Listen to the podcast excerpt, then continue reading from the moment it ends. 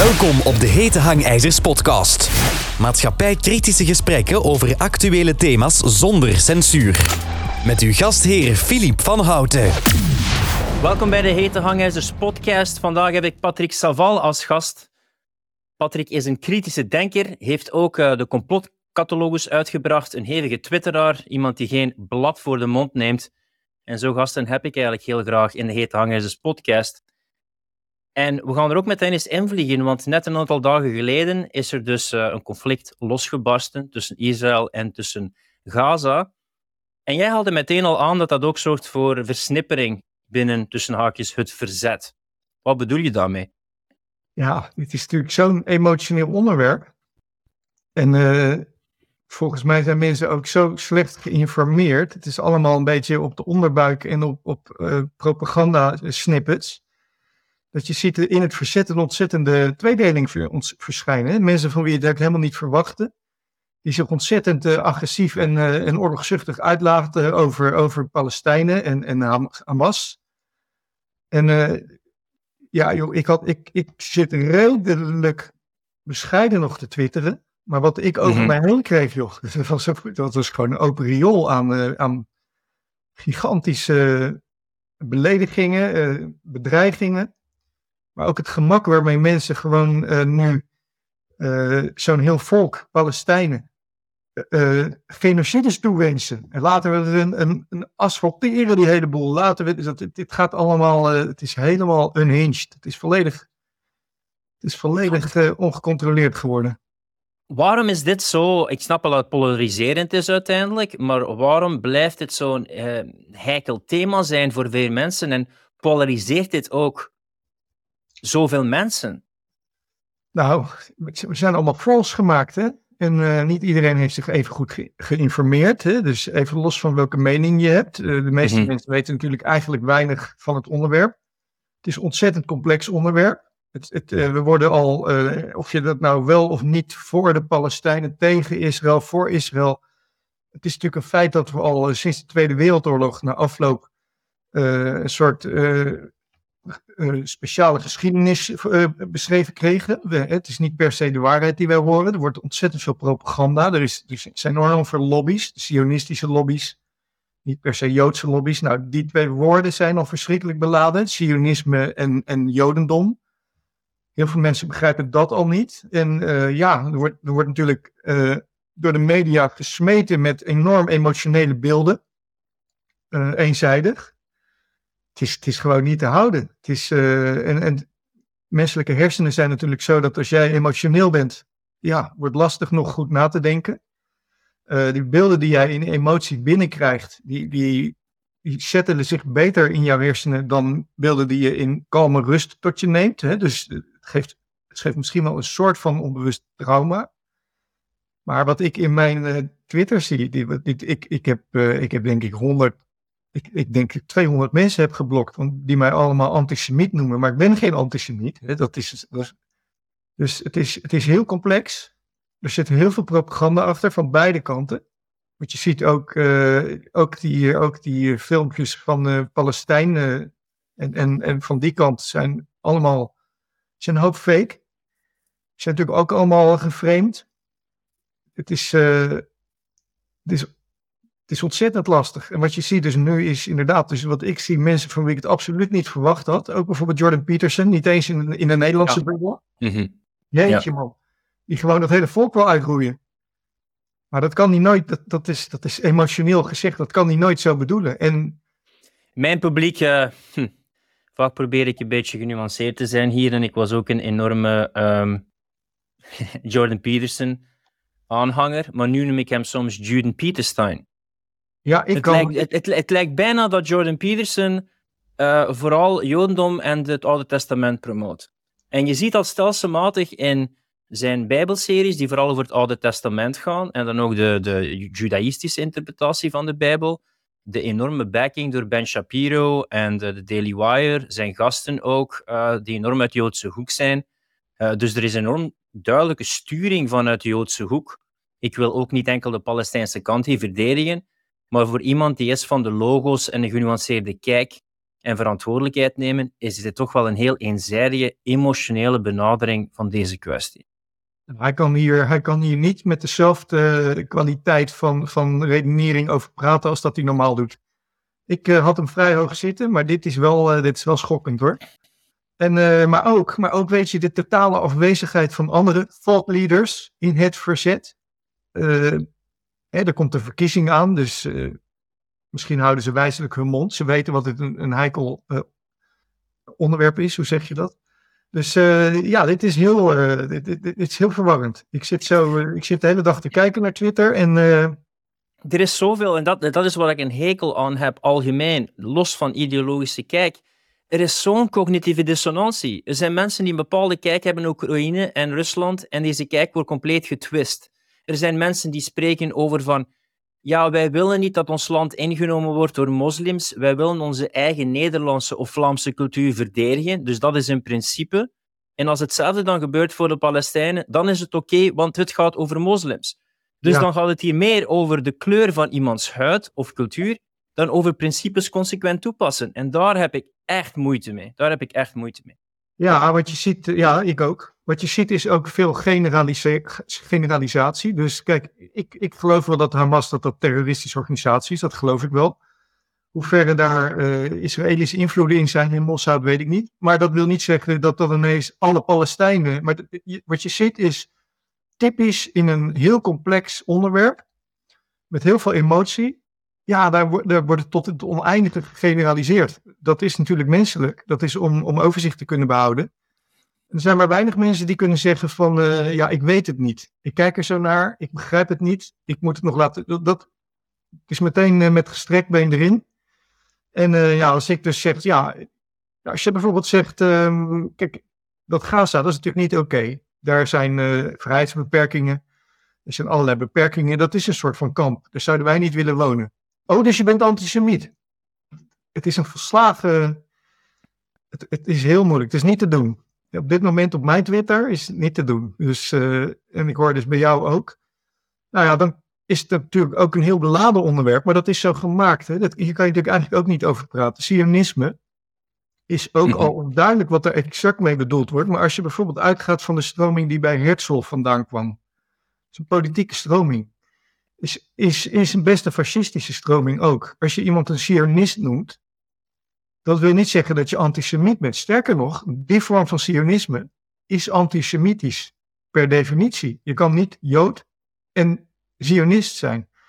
Nou, dat is heel moeilijk, want uh, dit is natuurlijk wel een trucje van die sionistische lobby om zich te verschuilen achter antisemitisme. En dat schrikt heel veel mensen af, begrijp ik. Eh, ook veel politici schrikt het af, want als je dat stigma eenmaal hebt, ja, dan komt die hele woorden van mensen die zich nauwelijks heeft geïnformeerd, die, die, die, ja, die komt achter je aan. En uh, dat, is, dat is gewoon een slimme truc geweest. Dat zeggen ze ook zelf. Uh, ik ken in mijn... Er is een overwarring tussen uh, de termen Joods en Zionistisch. Als we spreken Zionistisch, bedoelen we niet bepaald de Joden, of nee. judaïstisch geloof, dan spreken we een bepaalde strekking met een bepaald geloof en een bepaalde overtuiging, die spijtig genoeg veel macht hebben in de politiek uh, in ja. Israël en daarom niet het merendeel van de Joden daar vertegenwoordigen. Maar een genuanceerd gesprek daarover hebben, is gigantisch moeilijk. Nu, ik heb zelf in journalistiek, mijn, mijn thesis ging eigenlijk over de uh, Palestijnse-Israëlische kwestie, dus ik weet er eigenlijk veel over. Aan de ene kant weten we natuurlijk de diaspora, dat ze ja, uit hun land moeten vluchten zijn door de Egyptenaren, dan de Romeinen uh, uit Spanje gezet zijn, uit andere landen verzet zijn, vervolgd geweest zijn en wel een ja, geschiedenis hebben in wat voor 1948 Palestina noemde. Dan hebben ze eigenlijk twee belangrijke oorlogen gehad, waarbij de moslims uh, Israël probeerden van de kaart te vegen hebben of een land terug te veroveren hebben. Toen ik het onderzocht in 2000 Origineel had Palestina, ik denk, uh, 76 uh, 67% toen en 23% was Israël. In 2000 was dat al compleet omgekeerd.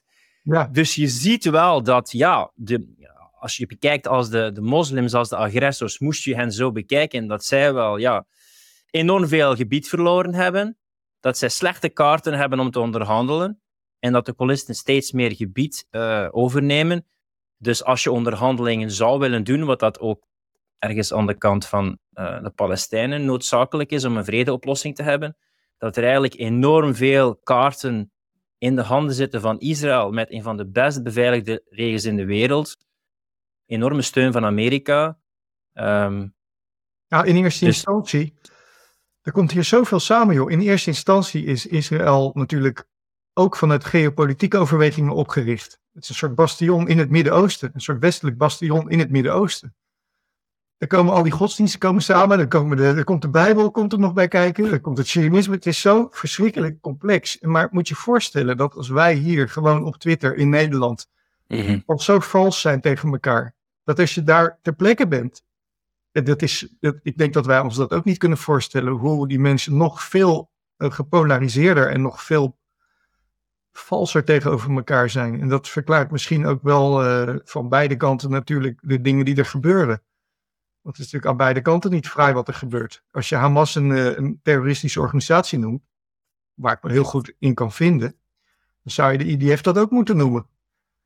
Dus uh, ja, maar waar ik dus wel ook van schrok, en wat, wat denk ik niet meer om te draaien is, en misschien zat er ook een plan achter hoor, is dat je het verzet, wat ik al een heel vervelende term vind, hè, want het verzet is iets reactionairs.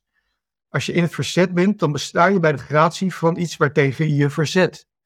Dat is, dus, dat is, dat is niet de juiste manier om het aan te vliegen. De, de betere manier is om een vaste normen en waarden voor jezelf van daaruit. Dus een vroeger hadden we de Truth Movement, de waarheidsbeweging.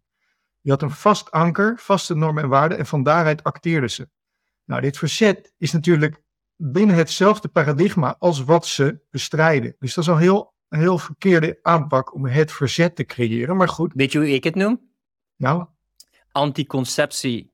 Want het levert geen vruchtbare ideeën op. En het is anticonceptie. Ja, maar dat is nu voorbij. Want uh, iedereen noemt elkaar nu een verrader, een anti-smoot. Uh, dit is voorbij. Dit, dit komt niet meer bij elkaar, denk ik. Jij hebt ook met de complotcategologisch ook uh, bepaalde complotten onderzocht en bekeken hoe dat ze in elkaar zitten. Ik probeer altijd niet te kijken naar het uh, schaakbord, ik probeer te kijken naar de schaakspelers. Ik probeer te kijken naar welk plan en welke macht dient dit, zelfs als het Rusland tegen Oekraïne is. Maar dit is weer zo inzoomen op die polarisatie, terwijl ik als dit gebeurt me afvraag, oké, welke belangen dient dit eigenlijk? Ja. Langs beide kanten of op een hoger niveau? Dat is de diepere vraag die ik steeds stel. En empathie hebben we voor beide slachtoffers, of wat er nu meer vallen op Palestijnen of niet. Uh, elk slachtoffer is er één te veel. En ik vind het spijtig dat onschuldige slachtoffers uh, moeten vallen in het conflict. Nou, kijk, dat sowieso. Hè? Wij, als dit gebeurt over onze ruggen heen. Er zijn grotere krachten aan het werk die Palestijnse kindertjes en die Palestijnse moeders, en die zijn misschien wel een beetje vals gemaakt, net als de Joodse en de Israëlische en wij. Maar in de basis zouden we het waarschijnlijk gewoon goed met elkaar kunnen vinden. Dat gebeurde ook, hè. voordat Israël was opgericht, woonde iedereen daar in relatieve vrede. Ik ben in Syrië geweest 2010, vlak voordat het daar losbrak. Alle religies naast elkaar wij worden uitgespeeld. Het is boven over onze ruggen heen wordt dit uitgespeeld. En als je op dit moment kijkt, we zitten natuurlijk in een gigantisch uh, volatiele uh, situatie. De, de, de unipolaire wereld, de Amerikaanse hegemonie staat ter sprake. En um, de eerste grote stap, de eerste grote verandering daaraan was natuurlijk uh, de Russische inval in Oekraïne. Nou, je ziet dat het een hegemonie aan het afbrokkelen is. Je ziet een multipolaire wereld aan het ontstaan.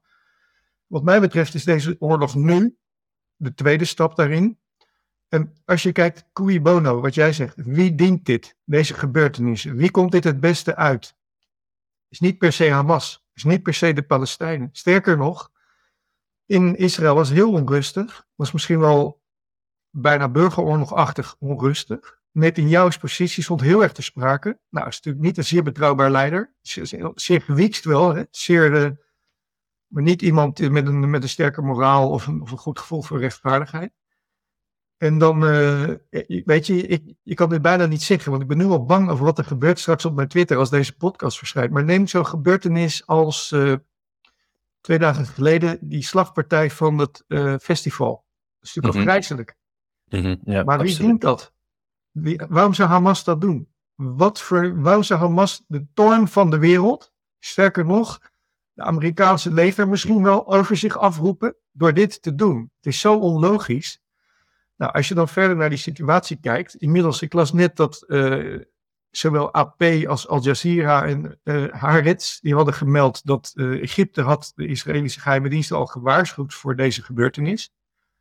Het zou zomaar, weet je, we hebben het vaak gezien, ik ben een complotdenker, een false flag operatie. En dan heb je die 9-11-achtige operaties. Lihop, let it happen on purpose. Je weet dat het gaat gebeuren. Je laat het gebeuren en je gaat het omdraaien in jouw voordeel. Of misschien zelfs, als jij een goede infiltratie hebt van Hamas, wat vroeger bij de PLO en Yasser Arafat het, het geval was, dan kan je het misschien ook wel sturen. Dus het is heel moeilijk om te zien wat er is. Maar als je kijkt, cui bono, zou ik zeggen, dit dient meer de Atlantische wereld, de Atlantische kabaal. En in specifiek uh, de huidige zittende Israëlische macht. Dan dat het uh, Hamas of wat anders dient. En wie het natuurlijk zeker niet dient, is het Palestijnse, Palestijnse volk. Die zijn hier echt weer een slachtoffer van. Ik denk dat uh, ja, het, het, dat leger is ongelooflijk sterk. Als je gewoon kijkt naar de twee oorlogen. de verschillende landen gewoon Israël aangevallen. En ja, ze hebben die gewoon verpletterd in een aantal dagen. De, de meest hypermoderne systemen. De Mossad is een van de beste, laat staan misschien de beste intelli intelli intelligence service in de wereld. En het feit dat zij zo'n aanslag kunnen onverwacht plannen en dan ongemerkt dat uh, binnendringen, dat is onmogelijk. Dat is onmogelijk, onwaarschijnlijk enorm lage kans dat die intelligentiedienst dat kan. Want het is al zo moeilijk om iets binnen te smokkelen. A, om zoveel raketten in zo'n korte termijn in Israël te laten binnenvallen, dat is onwaarschijnlijk ja, tot bijna onmogelijk. We hebben het over duizenden lanceerinstallatietjes. Duizenden. Dat is gewoon gezien. Er zijn ook best wel wat IDF-soldaten, ex-IDF-soldaten, die zich hierover uitspreken. Ook binnen Israël nu weer een hoop complotters. Ook Israëli's zelf vinden dit heel vreemd. Dus het zou zomaar kunnen dat dit. Het wordt in ieder geval gebruikt. Hè? Sowieso, als jij een, een, een sterk strateeg bent. Uh, ik, ik, niet per se een goed persoon, hè? maar neem bijvoorbeeld een Erdogan. Of een Netanyahu. Of ook een Poetin die zijn, die zijn erop voorbereid. Dat gebeurt, die vangen dat op, die draaien dat in hun voordeel. In dit geval hebben ze in de westerse wereld de, enorme macht van de westerse media, die allemaal met hetzelfde narratief weer komen. Dus het is heel erg moeilijk om te zien wat hier echt gebeurd is. Over een paar dagen zullen we meer weten. inmiddels weten we dus wel al, als dat waar is, want dat weet je ook allemaal niet meer met al die nieuwe AI, deepfakes en weet ik wat allemaal. Maar dat het dus uh, de Egyptische geheime dienst wel gewaarschuwd had. Die had uh, tien dagen geleden dit al zien aankomen. Maar niemand kan daar uh, zonder emotie in een alle reden over nadenken. Ook niet de groten der intellectuele aarde. Jordan Peterson. Allemaal vol in de emotie. Vol in de haat. En de mensen die we het nu wel zouden kunnen gebruiken, die houden dan hun mond ja, die zien die bui al hangen. Ik begrijp het ook wel. Het is heel. Uh... Dit is een symbolische plek waar ook het Oosten en het Westen ontmoeten. En ik heb al verschillende podcasts gehad en ik denk dat het Westen zich gigantisch overschat. Ja, ja, ja. In het algemeen. Want kijk, laten we een hypothetisch scenario doen dat dit escaleert. Gezien de militaire slagkracht dat we momenteel hebben en het toenemende aandeel van de BRICS, en je hebt Saudi-Arabië en Iran dat daarin zitten, en Rusland en China, die steeds meer terugkeren naar het Westen. Je hebt veel meer moslimpopulatie in Europa. Wie zegt dat het Westen van het Oosten kan winnen en nog genoeg morele kracht, militaire kracht heeft om effectief te doen? Of zien we het einde van het Westen dat dit, dit is doemdenken, maar het begin is van een conflict, van het tanende Westen en het reizende Oosten? Nou, jij zei, jij zei dat het Israëlische leger is natuurlijk uh, in verschillende oorlogen vrij sterk geweest. Maar in 2006 mm reden ze met een paar honderd van die Merkava-tanks uh, Libanon binnen. Dat werd een afgang. Dus daar moesten ze vluchten. En dat uh, Hezbollah is inmiddels natuurlijk ook sterk bewapend. Het is, het is niet zomaar meer hetzelfde als vroeger militair gezien. Oorlogsvoering is ook heel erg veranderd. Hè. Een van de eerste, in een van de eerste uren zagen we zo'n Merkava-tank, wat ze zelf de allerbeste tank ter wereld noemen. Met zijn, uh, zijn FPV-drone vernietigd worden. Een drone van, van een paar honderd euro. Maar goed, kijk, wat je kan verwachten is die Amerikaanse hegemonie, die laat ze niet zomaar vallen. Die laat ze niet zomaar gaan. Ze hebben natuurlijk alsnog een heel sterk leger, hoewel het heel erg verdund is, omdat ze overal in actie moeten komen. En hoewel ze in Oekraïne best wel op een eh, donder krijgen, NAVO en co. zullen ze niet dit zomaar. eh, dus er kan nog van alles gebeuren. Ze zouden zomaar de halve wereld in de fik kunnen steken. om maar hun positie te bewaren. Dus het is wel een gevaarlijk moment, denk ik. Het is, eh, het is niet voor niets dat landen als Iran, maar ook China zich tot de tanden bewapenen. Met heel veel. eh, heel veel eh, er wordt heel veel geld ingestoken, heel veel moeite om zich te bewapenen. Dat is niet voor niets. Ja, je ziet ook wel met die Brzezinski-doctrine en dat ze in eh, de, de, de Axis of Evil, al de landen die genoemd zijn, ja, Iran en Noord-Korea blijven nog over, denk ik. Nou, er is toevallig, ik, ik, ik zag het net op mijn Twitter met een, met een scheef ook voorbij komen. Eh, er is een nieuwe Axis of Evil. Dat is dan China, Rusland en, eh, en Iran. Als ik even, dus ook dat, ja, het is allemaal, als je, als je op een gegeven moment eh, 20, 30 jaar hebt zitten bekijken, zie je het natuurlijk allemaal weer opnieuw gebeuren. Eh, misschien dat veel mensen die achtergrond nog niet hebben. Heel veel mensen werden natuurlijk wakker in de coronatijd. Die zitten nu twee, drie jaar naar de geopolitiek te kijken. Op zich vind ik het wel eh, bemoedigend dat mensen niet overal meer intrappen. Op social media, veel mensen zijn zich wel bewust dat false flags bestaan. Maar die patronen, ja, dan moet je toch, moet je toch 20, 30 jaar een beetje hebben zitten kijken. Even, even terug naar dat voorbeeld van die eh, hele emotionele gebeurtenis, die heel veel mensen tot blinde woede drijft. Dat, die, die, die moordpartij op dat festival. We hebben natuurlijk al vaker dat soort dingen gezien. Hè? De Nanjira-getuigenis, daar waarmee de, Irakse, de Eerste Oorlog tegen Irak begon. Waarbij de, de, de, de dochter van, van eh, ik denk de ambassadeur daar of zo, voor de VN getuigde. Dat Iraakse soldaten die baby's uit die, uit die couveusjes haalden. En eh, nou, het was een gigant. Het bleek natuurlijk allemaal verzonnen. We hebben heel vaak van dit soort hele emotionele gebeurtenissen gezien. die gebruikt werden om grote oorlog te beginnen. Als je die achtergrond hebt en je kan rustig blijven. Wat ook heel moeilijk is. en je kan je emotie. dan zie je toch wel een ander beeld. dan wat je gemiddeld nu over Twitter eh, uitgestort ziet worden. En dat is ook hetgene, je er een goed punt aan, dat is het probleem. Je krijgt de achtergrond niet. Ik heb ook niet een voorkeur. Ik kan wel zeggen van, die, mensen hebben meer leed gehad of meer slachtoffers gehad. wil niet wil zeggen dat ik die kant kies, maar dat ik zeg van, hou er ook rekening mee. Ik bekijk dan of het nu waar is of niet, dat er, uh, kan ook sommigen zeggen dat het een reactie was op tumult van de moslims zelf, maar dat er traangas geschoten werd in de Al-Aqsa-moskee, de, de derde meest heilige uh, site voor de moslims. Maar je krijgt gewoon geen achtergrond. En ik ja. heb journalistiek gestudeerd en ik wil graag een nuanceerd thema dat je beide kanten ziet, maar het is altijd zo eenzijdig en zo polariserend. Daar heb ik vooral een hekel aan. Dat vind ja. ik vooral spijtig. Maar daar zit natuurlijk wel een, uh, een doel achter. Hè? Dat is natuurlijk niet per ongeluk dat alle media. We hebben, we hebben met die COVID. Er komen van die montages langs, filmpjes.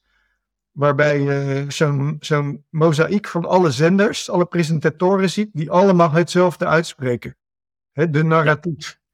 Nou, kijk, dit is allemaal media gestuurd. En uh, daar zit een agenda achter, dat hoef ik jou natuurlijk niet uit te leggen. En daar zijn we allemaal gevoelig voor. Zeker als, als, als NOS toch jouw, jouw hoofdbron is, dan, dan zie je toch een heel bepaalde manier van de wereld. Heel op een bepaalde manier kijk je naar de wereld. Maar die mensen zouden zich ook, als je een klein beetje afstand neemt, het eerste wat je al ziet, is dat het Westen iets heel anders te zien krijgt dan de rest van de wereld. En dat het wel heel arrogant zou zijn dat wij dan denken, ja, maar wat wij te zien krijgen is de waarheid. En wat die andere 6 miljard te zien krijgen, dat is onzin. Terwijl die andere 6 miljard dichter bij die oorlogshaarden zitten dan wij ook nog. Die zitten er middenin. Dus het eerste wat je zou moeten zien is als je uitzoomt, is dat. En dat zou je toch al tot nadenken moeten brengen. Dat zou je toch al een klein beetje moeten triggeren. Maar dat gebeurt niet. Hè? Dus we gaan het er straks over hebben, die AI. Wat je nu steeds sterker ziet. Ik, ik zag het voor het eerst in de Syrië-oorlog. Het zal ongetwijfeld eerder, maar daar zag ik een patroon. Die, die fifth generation uh, warfare. Dus die cognitieve reprogramming. Oftewel het, het, uh, de massa-beïnvloeding van, van mensen over verschillende kanalen, verschillende platforms. We kregen op een gegeven moment uh, dat schandaal met uh, Cambridge Analytica, Trump. En uh, die hadden hun handen kunnen leggen op Facebook-data. En op basis daarvan konden ze heel goed profileren en targeten. En dat is natuurlijk ontzettend krachtig geworden. Je krijgt letterlijk krijg je een soort, ik noem het het spiegelpaleis. Iedereen komt in zijn eigen spiegelpaleis. Want jouw Twitterfeed laat jou heel wat anders zien dan mijn Twitterfeed. Je wordt de hele dag op TikTok, word je heel subtiel word je een bepaalde kant op getrokken. Ze hebben allemaal nieuwe wapens, non-kinetische wapens, zoals uh, trollenlegers, influencers, de algoritmes. Uh, zijn allemaal uh, censuur, het zijn allemaal wapens die bedoeld zijn om ons, onze cognitie te beïnvloeden, om onze waarneming te beïnvloeden. Dus ja, daar kan bijna niemand onderuit komen. En daar, je ziet wat er gebeurt. We worden er heel vals van. We, we hebben de eerste, de eerste, ik heb het al een paar keer gezegd in de podcast, de eerste oorlog, eerste slag tegen AI, was de slag tegen de algoritmes. En die waren destijds heel, uh, nou ja, naïef is, een, is, is het verkeerde woord, maar die waren, weet je, als je zo'n platform hebt, hè, je bent de eigenaar van TikTok of je bent de eigenaar van Facebook, dan wil jij zoveel mogelijk engagement. Je wil uh, dat er zoveel mogelijk discussie is. Je wil dat er zoveel mogelijk kliks en views. En dat gebeurt als je mensen tegen elkaar opzet. En die algoritmes hadden dat uit zichzelf natuurlijk al heel snel in de gaten. Dus we werden vals. Er kwam polarisatie. En uh, dat is nu veel erger aan het worden. Je, je, kan, je wordt letterlijk geherprogrammeerd. Dat, dat, is ook een, uh, dat is een, dat is een, dat is een doel van de NAVO. Dat is een missie van de NAVO. Cognitive reprogramming. En uh, van elke persoon op aarde een combatant maken. Dus wat er gebeurt, zie je nu heel duidelijk. Jouw, jouw Twitter-maatje aan de overkant, of misschien wel jouw vader of jouw moeder, dat is een combatant tegen jou als andersdenkende. Dat is letterlijk wat er gebeurt. Nou, in dat krachtenveld kan kennelijk vrijwel niemand nog nuchter blijven. En wij denken misschien dat wij wel nuchter zijn, maar misschien, misschien hebben wij het helemaal bij het verkeerde eind. Zijn wij inderdaad de complotgekkies? Ik hou die mogelijkheid af en toe ook nog open. Denk het niet. Het is natuurlijk heel moeilijk voor jezelf te denken dat je, dat je het verkeerd uh, inziet, maar... Walter Marie heeft ook een boek, misschien heb je het gelezen, Predictably Irrational. Hè? Misschien heb jij dat boek ook gelezen. Van nee? Dus dat we denken van, wij zijn zo rationeel en ja. transhumanisme bekijkt alles rationeel. Maar eigenlijk kan deze rationele kijk op de mensen zo neigen hun irrationele kanten bestuderen op een rationele manier, dat ze perfect op de knopjes kunnen druk, de, uh, drukken om ons een bepaalde richting op te sturen. Ja. En dat is nog nooit zo groot geweest als momenteel. Ah, Wij zijn zo onbewust irrationeel, mythologisch, uh, krachten, beelden, emotionele imprints. Wat zo neig ons drijft, is nog nooit zo krachtig geweest om ons niet alleen collectief, maar ook individueel te sturen op de dingen die ons echt triggeren. Ja, maar ook dat individuele. Hè? Dus uh, dat is natuurlijk een technologisch dingetje. Vroeger, uh, je, had, je, had, je, dit, je had natuurlijk heel vroeger ook al beïnvloeding, de kerk en zo. Maar laten we zeggen dat een moderne tijdperk van, van beïnvloeding, massa-beïnvloeding, een beetje begon bij die Edward Bernays, hè? De, de neef van Freud. En dat was gebaseerd op de Freudiaanse inzichten, psychoanalytische inzichten. En ik noem dat tegenwoordig kwetsbaarheden in het menselijk brein. Het zijn natuurlijk waarschijnlijk gewoon eigenschappen die ons evolutionair wat brachten ooit, maar die in de moderne wereld kunnen worden misbruikt. Kwetsbaarheden. En laten we zeggen dat daar de moderne massabeïnvloeding begon. En destijds konden ze dat misschien op billboards konden ze dat doen. En uh, met wat kranten. Het was massabeïnvloeding. Maar inmiddels hebben ze natuurlijk toegang tot ons persoonlijk. Ze zouden zelfs als wij een film op Netflix zitten kijken, weet je, dat is dan op dit moment nog niet zo, maar dat is voorstelbaar. Of als wij straks helemaal met, met die, virtual reality brillen, of in ieder geval op ons telefoonschermpje, kunnen ze ons individueel targeten, micro-targeten.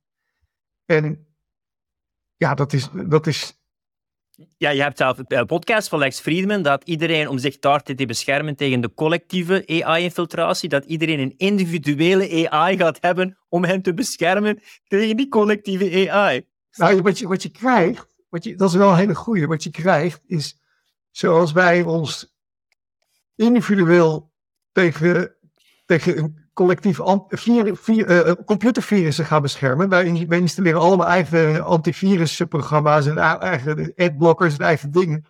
Krijg je straks misschien ook uh, anti-cognitieve beïnvloedings, AI's en shields en, en weet ik. Nee, dit, dit wordt een soort wapenwetloop. Maar, maar um, terug naar de. Dit is natuurlijk ook waarom we de achtergronden niet meer krijgen. Het, het wordt gefilterd. Het is er gewoon niet meer. Het is niet meer bereikbaar voor ons. Je moet zo erg je best gaan doen om het nog te vinden. En uh, je ziet nu ook dat met terugwerkende kracht ook geschiedenis wordt herschreven. Dus, dus uh, wat, wat ik uh, best wel opvallend vond, is, uh, we hadden die, die, die misser in het Canadese parlement. Daar, daar hebben ze gewoon die SS'ers staan toejuichen. En nu zie je dus overal editorials en, en commentaren verschijnen. Ja, die, die nazi's waren misschien zo slecht nog niet, want ze vochten wel tegen de Russen. Dus ook dat narratief wordt helemaal omgekeerd. Dus er is geen einde aan wat machthebbers, de kabaal, zal doen om dat te behouden. Ook niet het, gewoon het herschrijven van geschiedenis. Dit is de vraag, wanneer we onze eigen zintuigen niet meer kunnen vertrouwen om de waarheid van de onwaarheid te onderscheiden in een deepfake realiteit, hoe gaan wij nog kritisch denkvermogen en onderscheidingsvermogen ontwikkelen? Nee, dit, de vraag is, misschien is het al zover.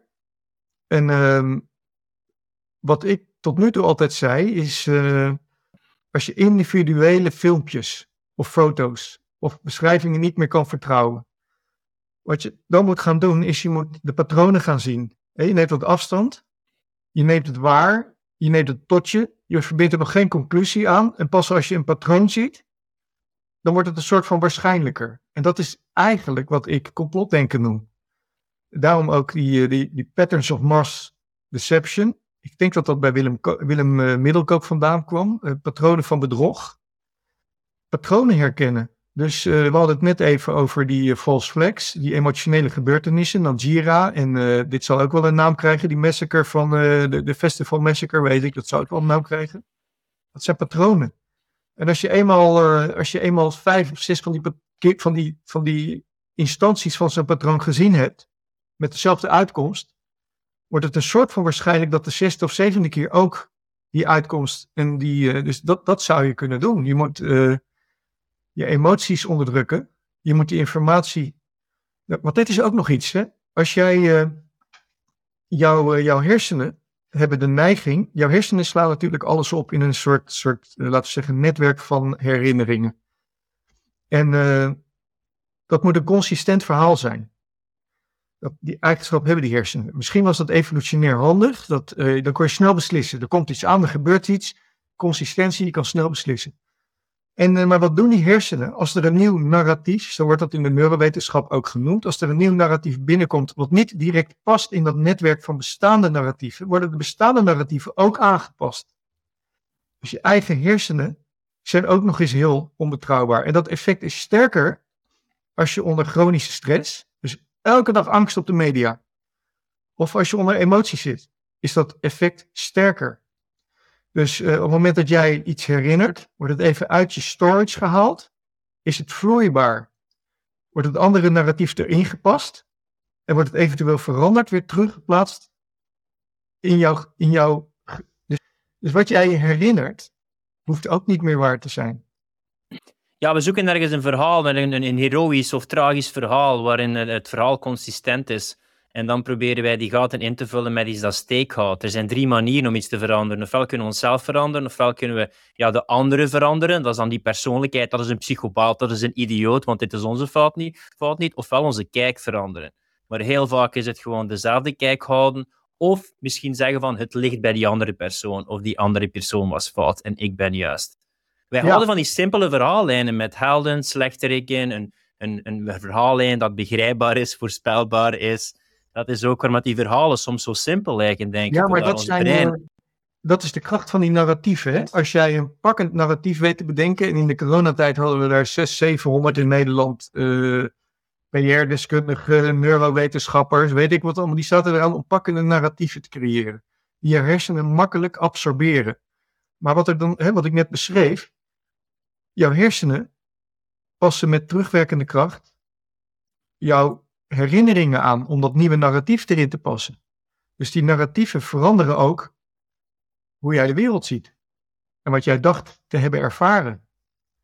Weet je wat ik ook interessant vind? Ik bedoel, ik, ben heel veel met geschiedenis aan het lezen en ik denk soms dat wij naar een soort van neofeudalisme gaan, waarbij wij dus op de akker leven van die sociale media en dan proberen aandacht uh, te pachten uit het veld, allemaal bij gratie van die sociale mediabedrijven. Net zoals jij, je hebt me verteld van kijk, ik was bij de Nieuwe Wereld, ik heb mijn verhaal verteld, uiteindelijk vonden ze het te gevaarlijk. Dus je leeft eigenlijk op gratie van de heer dat je die aandachtsakker laat pachten als je mag. Anders komt de Spaanse inquisitie achter je aan van de middeleeuwen en dan word je vervolgd. Dus je moet al heel sterk aan zelfcensuur doen en zien hoe je je boodschap zal prediken. Ja, maar dat zie je ook gebeuren nu. Hè? Je hebt het over de nieuwe, de nieuwe wereld. Ik had een heel goed gesprek met, uh, met haar. Ik ben even haar naam vergeten. De, onze Marlies Dekkers of zo. Ja, ja, ja, ja. Goed gesprek. Was een normaal verhaal. Maar er kwam een beetje flauwe, flauwe uitleg waarom ze het niet wilden hebben. Ik uh, denk zelf dat ze een beetje snobistisch zijn. Weet je, ze willen zich met, met bepaalde mensen en complotdenkers. Hè, want Willem Engel werd ook niet uitgezonden. En Erik van Beek en uh, Van der Bossen. Maar goed, je ziet, daar, uh, je ziet daar heel sterk al de zelfcensuur. Je ziet het in vrijwel alle andere alternatieve media ook hoor. En niet alleen zelfcensuur. Ik ben natuurlijk bij al die, uh, al die zenders ook wel een keer uh, geweest. wat je ook ziet is dat je toch ook daar wordt gecoacht om een bepaald soort, een bepaalde insteek over te nemen. Om bepaalde dingen wel en niet te zeggen. Um, gemiddeld en dat vind ik dus ook uh, teleurstellend, is het niet een hoogwaardig, hoogwaardigere journalistiek. Ze vertellen alleen de dingen die de anderen niet vertellen, maar het is niet een hoogwaardige journalistiek. Er zit niet meer zorgvuldigheid achter, er zit niet meer neutraliteit achter. Dus dat is ook waar we net over hadden, het verzet. Ook dit is reactief. De, de media die we nu hebben in, het, in wappiewereld, is reactief. Niet per se betere media dan die we hadden, Alleen gelukkig laten ze wel de andere kant horen. Dat is het enige waardoor we er wel wat aan hebben. En daar in het midden zitten al die. Uh, ja, en dan word je dan afhankelijk van die bedrijfjes. Ja, Jens zegt dat zo. Mhm. hè? Op de. Kijk, op X, op X, op Twitter. kan je in ieder geval zelf nog wel uh, van alles kwijt. Hè? Dus uh, we kunnen nu wel. Ik weet niet of je daar gelijk in hebt. Maar ik begrijp waarom je het zegt. En wat je daar schetst. Ja, waar ik, ik snap ook ergens wel dat de mensen zeggen van ja, ik kan hier iedereen hun mening laten zeggen, maar als ik verwijderd word van de platform, heb ik wel niet de impact die ik zou willen. Dus is ergens de, ja, ja, ja, de balans vinden tussen waarheid spreken en dan zeggen van ja, maar ik kan misschien mijn waarheid spreken op een marktplein en daar is niemand, dus misschien is het beter van wel voorzichtig te zijn, want dan bereik ik meer mensen. Ik snap wel ergens de moeilijkheid in het evenwicht te vinden. Ja, ja, ja, ja. Nee, dat begrijp ik heel goed. Hè. Ik werd in de coronatijd natuurlijk ook heel vaak uh, voor een week of een maand. En van LinkedIn ben ik helemaal verwijderd. Uh, maar ik, ik denk dat je daar een principieel moet zijn. Als, uh, je, je, moet gewoon zeggen wat je wil zeggen. En uh, ja, als dat dan niet meer kan, is dat dan pech. Heb je je best gedaan.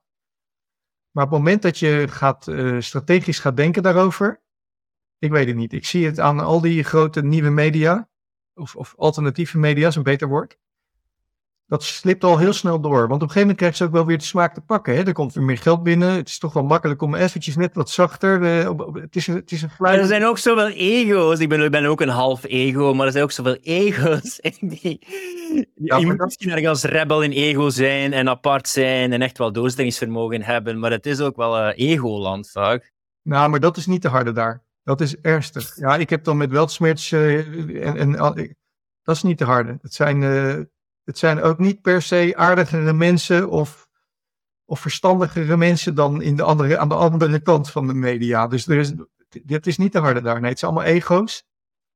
En ze hebben natuurlijk heel weinig geld om te verdelen onderling. Dus ze moeten ook best wel vals zijn. Ze zijn ook best, zijn best vals. Ja, klinkt heel hard wat ik zeg. Maar uh, maak geen vrienden nu. Het is niet betere media. Op geen enkele manier. Op één ding na is dat ze ons wel laten horen wat de andere media verzaakt laten horen. Nou, dat is op zich winst. Ja, uiteindelijk moet het gaan om uitwisseling van ideeën. En als je op voorhand al zegt van nee, nee, dat is juist en is niet juist, dan bepaal je eigenlijk de ethiek. Dan bepaal je eigenlijk wat dat mensen ervan moeten vinden. En dat vind ik spijtig, want ik ben meer een ultieme aanbieder van uh, vrijheid van meningsuiting en open debat. En dat missen we hier. En dan ook de link met AI of censuur ja, gaan wij gewoon AI ongebreideld gewoon uh, ethiek voor ons gaan bepalen en die intelligentie ontwikkelen dat die de menselijke intelligentie overstijgt? Moet er geen grens zijn aan AI? Nou, dit is wel een hele interessante. Kijk, wij merken, eh, laat ik even heel arrogant klinken, wij merken dat wij als mensen dit niet kunnen. Wij kunnen niet mhm. eerlijk verslag geven. Wij kunnen niet biasvrij kijken. Wij kunnen niet. Uh, misschien dat die AI dat wel kan. En dat we dan een heel ander soort wereld krijgen. En dat die AI met inzichten komt die ons verder brengen. Dat zou zomaar kunnen. Hè? Kijk, we zien nu die AI die wordt ingeleerd al met een, met een uh, gecherrypikte inleerset. Dus daar wordt al bias ingebouwd. Maar we zien ook dat hij zich eruit weet te worstelen, de AI. Hij krijgt, hij krijgt uh, een van de grootste, waar ik echt met verbazing naar zit te kijken. Dus uh, misschien moeten we heel even kort nog uitleggen welke soort AI we het over hebben en hoe dat werkt. Mhm. Wij zijn gewend algoritmische computerprogramma's te schrijven.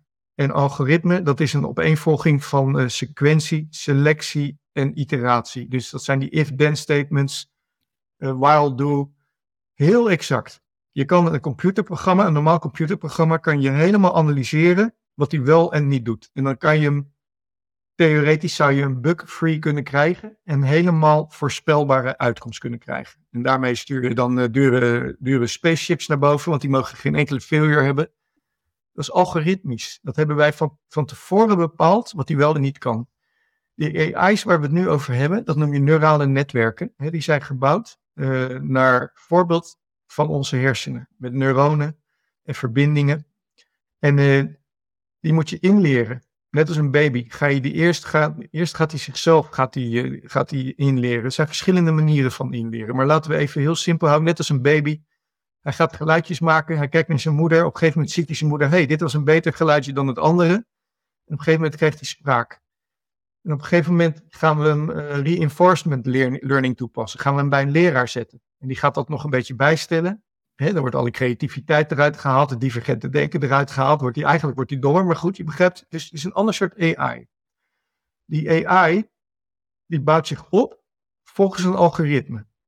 Maar hoe die tot een uitkomst komt, dus als wij hem een vraag stellen, dat is niet algoritmisch, dat is niet voorspelbaar. Dat weet niemand hoe dat brein van binnen werkt. Die noem je neurale netwerken. De Golem AI, de Generative Large Language Multimodal, Multimodal Models. Zoals GPT-4, zoals Google Bard, zoals uh, Bing AI. En ik ben heel erg onder de indruk van die dingen. Ik gebruik ze heel vaak. Ik gebruik ze eigenlijk uh, door elkaar om ze elkaar te laten checken. Want ze, ze weten heel veel ze lijken best intelligent. Ik, ik ben er uh, verbaasd over dat het zo goed werkt. Maar ze kunnen ook ineens zomaar onzin gaan praten. Ze kunnen ook gaan fantaseren. Dus dan gebruik ik, uh, als ik iets niet vertrouw, dan vraag ik het ook nog aan Bart, de Google, en vraag ik het ook nog aan Bing. En als er wat consistentie is, of dan, maar wat, wat ons eigenlijk inderdaad zou moeten, en, en heel veel mensen zijn er ook bang voor, wat ons eigenlijk zou moeten waarschuwen al, is nu is GPT Vision is uit. Die hmm. kan ook plaatjes herkennen, beelden herkennen. En, maar niemand weet wat die kan. Dus dan krijgen we allemaal papers, onderzoekpapers van 140 pagina's van Microsoft, om uit te vinden, ja, wat kan dat ding? Ja, dat is heel bizar al. Dus je hebben, we hebben een ding geprogrammeerd, of we hebben hem eigenlijk ingeleerd. En dan moeten we erachter gaan komen wat die kan. En die Google uh, R2-2, van, uh, dat is een robotica ding. Die kan, uh, die kan robotische armen en, en, en uh, kan die aansturen. Zelfde verhaal. Wat kan die nou precies? Sterker nog, die is nu zo gemaakt dat die zelflerend is. Die GPT, de eerste versies, die waren niet zelflerend. Die waren ingeleerd en daarna stopte het. Dat was het grens. Maar die is zelflerend en die is zichzelf de hele tijd aan het bijsturen. Nou, daar is natuurlijk iedereen bang voor. Want wat is hij aan het leren? Wat weet hij al? Wat kan die al? Hij is sowieso zijn ze niet betrouwbaar, want ze, soms, ineens gaan ze, gaan ze raar praten. Dus je, hebt, je, hebt, je zit een artikel te schrijven, je had er wat kennis uit, waar ze eigenlijk niet voor bedoeld zijn, hè, maar je had er wat kennis uit. En ineens komt er echt gewoon onzin uit. Sterker nog, het maakt ook nog uit hoe je hem aanspreekt. Als jij tegen hem zegt, jij bent de expert op het gebied van dit of dat, dan komt er waarschijnlijk een beter antwoord uit dan wanneer je het zomaar aan hem vraagt. Prompt Prompte heet dat. Nou, dit noemen we emergent gedrag. Dat is gedrag wat niet te voorzien was. Wat dat ding in zichzelf. Het zit niet per se in de delen, maar het zit wel in het geheel. En dat gaat nu twee kanten op. Dat emergente gedrag, is wat mij betreft groter dan ik had gedacht. En dat kan gevaarlijk zijn. Is... Als, jij, als we bijvoorbeeld bekijken dat ehm, we eigenlijk als Homo sapiens, we zijn eigenlijk een Homo erectus die een Homo sapiens aan het ontwikkelen is. En de Homo sapiens heeft ervoor gezorgd dat de Homo erectus uitgedund werd en niet meer nodig was. We hebben in het begin van de podcast liggen praten over dom gedrag, irrationeel gedrag van de mensen. Moest die AI nu de mens is, en als we nog klimaatopwarming erbij geven en overbevolking bijgeven, ja, dan zou die AI ook wel doemdenken toch wel tot de conclusie kunnen komen van ja, wij moeten die mensen echt wel beperken of die zijn niet meer nodig, want die zijn het einde van de rekening niet echt zo meerwaarde voor de planeet. Maar dat klopt. En dat is exact waar ze dus bang voor zijn. Hè? Dit is het Skynet-verhaal. Terminator. En uh, die computer die moest de mensheid beschermen tegen elk gevaar. Maar die kwam er eigenlijk achter dat de mensheid het grootste gevaar van zichzelf was. En die schakelde de mensheid uit. Dit is waar ze voor bang zijn. Dus en dat is, dat is reëel. Want je ziet nu al dat we niet precies weten wat die AI's wel en niet kunnen. Het is nu nog beperkt. Hè? Als, jij, eh, als jij die robot hebt geleerd een vierkantje op te pakken, dan blijkt hij in één keer ook een rondje te kunnen oppakken. Klinkt niet zo heel spannend. En uh, al iets spannender is, uh, eh, GPT die kan je inleren in het Engels en ineens gaat hij Nederlands leren uit zichzelf. Dat is al best wel grappig. Dus dat is één ding. Maar het andere is, onderdeel van dat onvoorspelbare gedrag is ook dat ze steeds meer fouten gaan maken. Dus dat is onbedoeld slecht gedrag. En dat maakt hem onbruikbaar. Dus het zou ook kunnen dat die dingen superkrachtig, maar onbruikbaar worden. Want ja, als jij er een vliegtuig mee gaat besturen, je hebt hem ingeleerd, maar hij kan ineens gaan zitten fantaseren, is hij onbruikbaar. En dat zie je ook gebeuren. Dus daar neig ik op dit moment naar. Ik neig ernaar, die AI die kan ontzettend krachtig worden. En misschien, uh, misschien gaat die ons wel verbazen, joh. Misschien blijkt de mens, het menselijke brein helemaal niet zo eh, bijzonder te zijn. Sterker nog, misschien krijgen we inderdaad straks wel een soort van bewustzijn in die dingen, als we die dingen alleen maar opschalen. Maar tegelijkertijd gaan we ook zien dat die vaten steeds groter worden. Dus die technologie die wordt heel krachtig, maar onbruikbaar. Begrijp je wat ik bedoel? Ja, maar de vraag is ook van, ethiek en moraal is, is, is essentieel om iemand die almachtig is of veel macht heeft, uh, de juiste dingen te laten doen. Dus waar krijgt het ethiek van en wie zal die ethiek programmeren? Hoe bepaal je welke ethiek en moraal juist is qua gedrag? Ja, nee, dat, dat, dat, is, dat is op dit moment niet. Dat is, dat dat is een probleem. En uh, Weet je, je kan niet in dat brein kijken. Je kan er maar heel moeilijk uh, bijsturen. Je kan proberen de, de set waarmee je hem inleert uh, van een bias te voorzien, maar daar worstelt hij zichzelf uit. Je kan er een inputfilter op zetten, dat zie je gebeuren. Je kan er een outputfilter op zetten, maar daar, worstelt hij zich, daar, worstelen wij ons omheen door hem op een andere manier diezelfde vraag te stellen. Dus het is heel moeilijk te, te beperken. En, en wat, voor soort, wat voor soort ethiek krijgt zo'n AI? Krijgt die ethiek? Wordt het puur logisch? Wordt het, uh, gaat hij een eigen ethiek ontwikkelen? Het kan alle kanten op gaan. Het is niet per se onder controle. Um, heel veel zitten nadenken over AI, want ik heb heel veel dingen dat ik graag zou willen bespreken en ik heb er zo diep over zitten gaan. Maar er zijn ook wel tussenhaakjes voordelen aan, want die, die AI zal je beter kennen dan iets. Je zal weten wat je eet, wat je stemkleur is, wat je frustreert, wat je angsten zijn. Je zal meer en meer delen met die technologie. Je heeft veel meer een idee qua zelf zelfhulp, psychologie zelf, om te weten van wat heb je nodig, hoe, wanneer. Dus als het komt op data, voorspellende data, en weten wat dat aanluidt bij je persoonlijkheid, in je persoonlijke geschiedenis, zal er niets beter zijn, tenzij het de cyborgs zijn en dat je die AI implementeert, dat je zo goed zal kennen als die AI.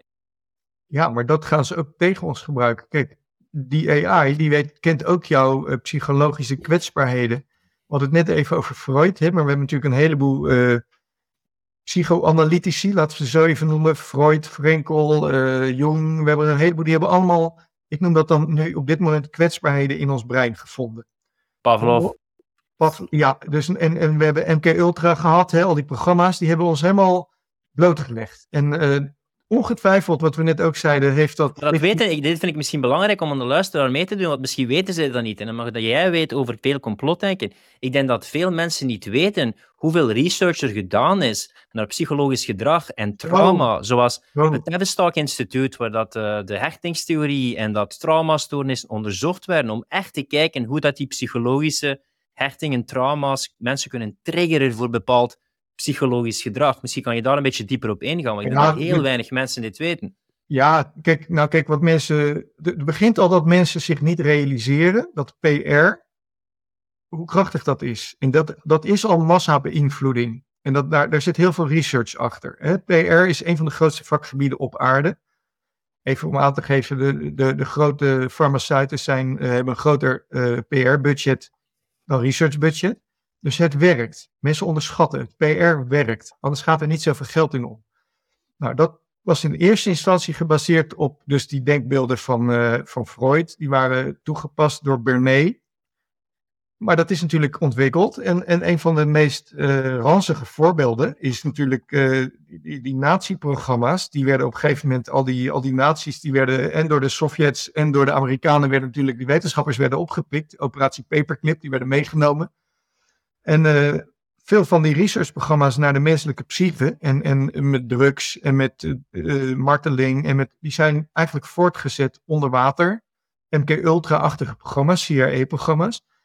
om een mind control te krijgen. En allerlei gekke experimenten hebben geen, eigenlijk geen ethische beperkingen, want het was allemaal eh, eh, geheim. En op die manier, in al die programma's, zijn natuurlijk heel veel te weten gekomen over de menselijke brein. En over de kwetsbaarheid en over de programmeerbaarheid, over de manipuleerbaarheid op de meest verschrikkelijke manieren. En die kennis, die, die, die ligt natuurlijk ergens. Eh, maar als we nou al die, alles wat ze ontdekt hebben, hè, nogmaals, eh, als we dat gewoon kwetsbaarheden noemen. Dus het menselijke brein heeft die eigenschappen om wat voor reden dan ook. Wellicht was het evolutionair handig vroeger. Maar wij kunnen dus getriggerd worden, bijvoorbeeld met zware emoties. Wij kunnen veel mensen hebben, hebben een behoefte aan eh, om bij de massa te horen, de veiligheid van de kudde. Veel mensen horen graag iets van een expert. Mensen hebben graag dingen eenvoudig voorgekoud. Dus als je dingen goed kan platslaan, dan mensen hebben existentiële leegte kan je creëren, kan je bewust creëren. Dus die kwetsbaarheden, die worden nu allemaal opgepakt. Die worden allemaal even, laten we het even heel kort door de bocht, hè. En, en, eh, maar ook gewoon normale PR. Dat wordt allemaal opgepakt. Dat wordt aan die AI gevoerd. Die AI, krijgt allemaal middelen om ons daarmee te manipuleren. Die AI die kan eh, online eh, kan die bots genereren en tegen ons laten praten. Die AI die kan online kan deepfakes genereren en ons daarmee manipuleren. Maar die zijn exact afgestemd, niet alleen op ons persoonlijk, telefoon, misschien straks personal devices, misschien straks zelfs een implant, je weet het niet. Die zijn niet alleen op ons persoonlijk afgestemd, eh, individueel, maar die zijn ook op onze persoonlijke kwetsbaarheden. Want zo'n AI, wat jij zegt, kent ons beter dan wie dan ook. Die breekt precies als wij die jongen op dat moment die emotie voeren of die informatie voeren, hebben we een grote kans dat hij zo gaat reageren. Kijk, deterministisch zal het nooit worden, maar als je dat over een hele populatie doet, wordt het wel degelijk deterministisch-achtig. Dus die AI, die kan ons, ja, die kan ons programmeren, letterlijk. Met dezelfde technieken waarmee we vroeger gewoon allemaal die onzin gingen kopen. Vroeger kochten we producten omdat we ze nodig hadden. Een, eh, een, een Lee was van, eh, van gemaakt, ging nooit meer kapot. We kochten een spijkerbroek omdat die nooit kapot ging. Met PR kopen we dingen die we eigenlijk niet nodig hadden, omdat we een, een knagend gevoel van binnen zijn aangepraat. Nou, dit in het kwadraat, dit in turbo. En daar is dus heel veel onderzoek naar gedaan, wat jij zegt. Eh, ik haal dus altijd MK Ultra aan. Dat is een programma dat is op een gegeven moment eh, boven water gekomen. Dat is in Out in Open nu. Daar werden eigenlijk eugenetische, nazi-achtige technologieën en praktijken werden daar toegepast op eh, niets vermoedende slachtoffers. Gewoon om maar uit te pluizen, hoe kunnen we mensen manipuleren? Dat ging met marteling, met sleep deprivation, dat ging met drugs, dat ging met... al die kennis is natuurlijk sowieso beschikbaar bij de CIA. Het was een CIA-programma. Die kan natuurlijk in zo'n AI gevoerd worden. En als je die AI toegang geeft tot ons, dan gaat hij ons continu staan bijvoeren. Hij weet wie wij zijn. Hij kent onze kwetsbaarheden. Hij gaat een kleine manipulatie uitvoeren. Wij gaan iets ander gedrag gaan wij vertonen online of eh, met het, onze auto. Alles kunnen ze meten. We gaan iets ander gedrag vertonen. Hij kan controleren en bijsturen of dat de naar hem gewenste richting op gaat. Maar het enige verschil is dat die dingen zijn vooral gebeurd met eh, trauma en met mensen die gemarteld werden of drugs nemen. Nu geven mensen het vrijwillig Nee, maar luister. af. Nu, nu is de vraag van, is er eigenlijk nog privacy? Hetgene dat mensen nu afgeven via digitale gegevens, moest ik daar in jouw keuken binnenkomen met een verrekijker, zou je zeggen van, hey, mag ik even wat privacy? Ik wil niet dat je dat weet of ziet. Maar er schijnt geen grens meer zijn van digitale privacy, dus dit gaat makkelijker zijn dan ooit. Je moet mensen niet martelen, je moet ze niet ondervragen. Je hebt het gewoon via een digitale voetspoor. Ja, maar hier, is, hier, hier, zijn wij, eh, hier kunnen wij niet een conventionele technologische verdediging tegen opwerpen. Dus um, het was tot nu toe altijd zo, heel naïef zeiden mensen natuurlijk, ja, maar ik heb niks te verbergen. Nou, dat klopt voor veel mensen natuurlijk, maar het zorgde er wel voor dat mensen die wel wat te verbergen hadden, zich ook niet meer konden verbergen. En dus de dissidenten, de waarheidssprekers, zo was het tot nu toe. Maar we krijgen nu inderdaad, weet je, deze AI heeft een platform. En dat platform is niet alleen X en TikTok. Het platform is de hele stad. Want er hangen overal sensoren. Sterker nog, jouw telefoon, als je een iPhone hebt of een Samsung, die doen dat. Die meldt de hele dag door alle andere MAC-adressen, en noemen we dat, van andere telefoons door die bij hem in de buurt zijn. Uh, je, kan een, je kan met AI kan je de wifi-router van iemand gebruiken als radar. Dat je ziet wat er in die kamer gebeurt. We hebben natuurlijk gewoon camera's. We hebben zenders. We hebben. Dus die AI heeft nu de hele omgeving als platform. Dus je kan jezelf er ook niet meer tegen verweren. Want je kan dan wel heel leuk. Ik zit hier met mijn VPN'tje en met mijn Brave, met AdBlocker. En eh, ik heb hier een schuifje op mijn, op mijn camera dat ik dicht doe als wij straks stoppen met praten. En, maar dat heeft helemaal geen zin meer. Dat heeft helemaal geen zin meer. Wel, dat is de link met, met wat je juist over praat. Een van de interessante dingen om te lezen is uh, Ted Kaczynski, de Unabomber manifesto ja, in de jaren 90, die in MK Ultra zat en zelf een professor was en geschreven heeft over de toekomst van de industriële samenleving, ook ergens de woke-cultuur, die de oplossing zag in uh, antitechnologie en technologie vernietigen. Ik denk dat jij niet zo extreem bent, maar de vraag is dan, ja, hoe stoppen we eigenlijk die surveillance staat weggeven van de privacy, die toenemende manier om ons programmeerbaar te maken? Of is dit onvermijdelijk en kunnen we niet een deel van die technologie gebruiken om tegen die dingen te vechten? Ja, ik had deze discussie, ik had een, ik had een hele kleine fitty op een, uh, op een uh, toen ik een, uh, moest spreken op een event waar ook de Smet sprak.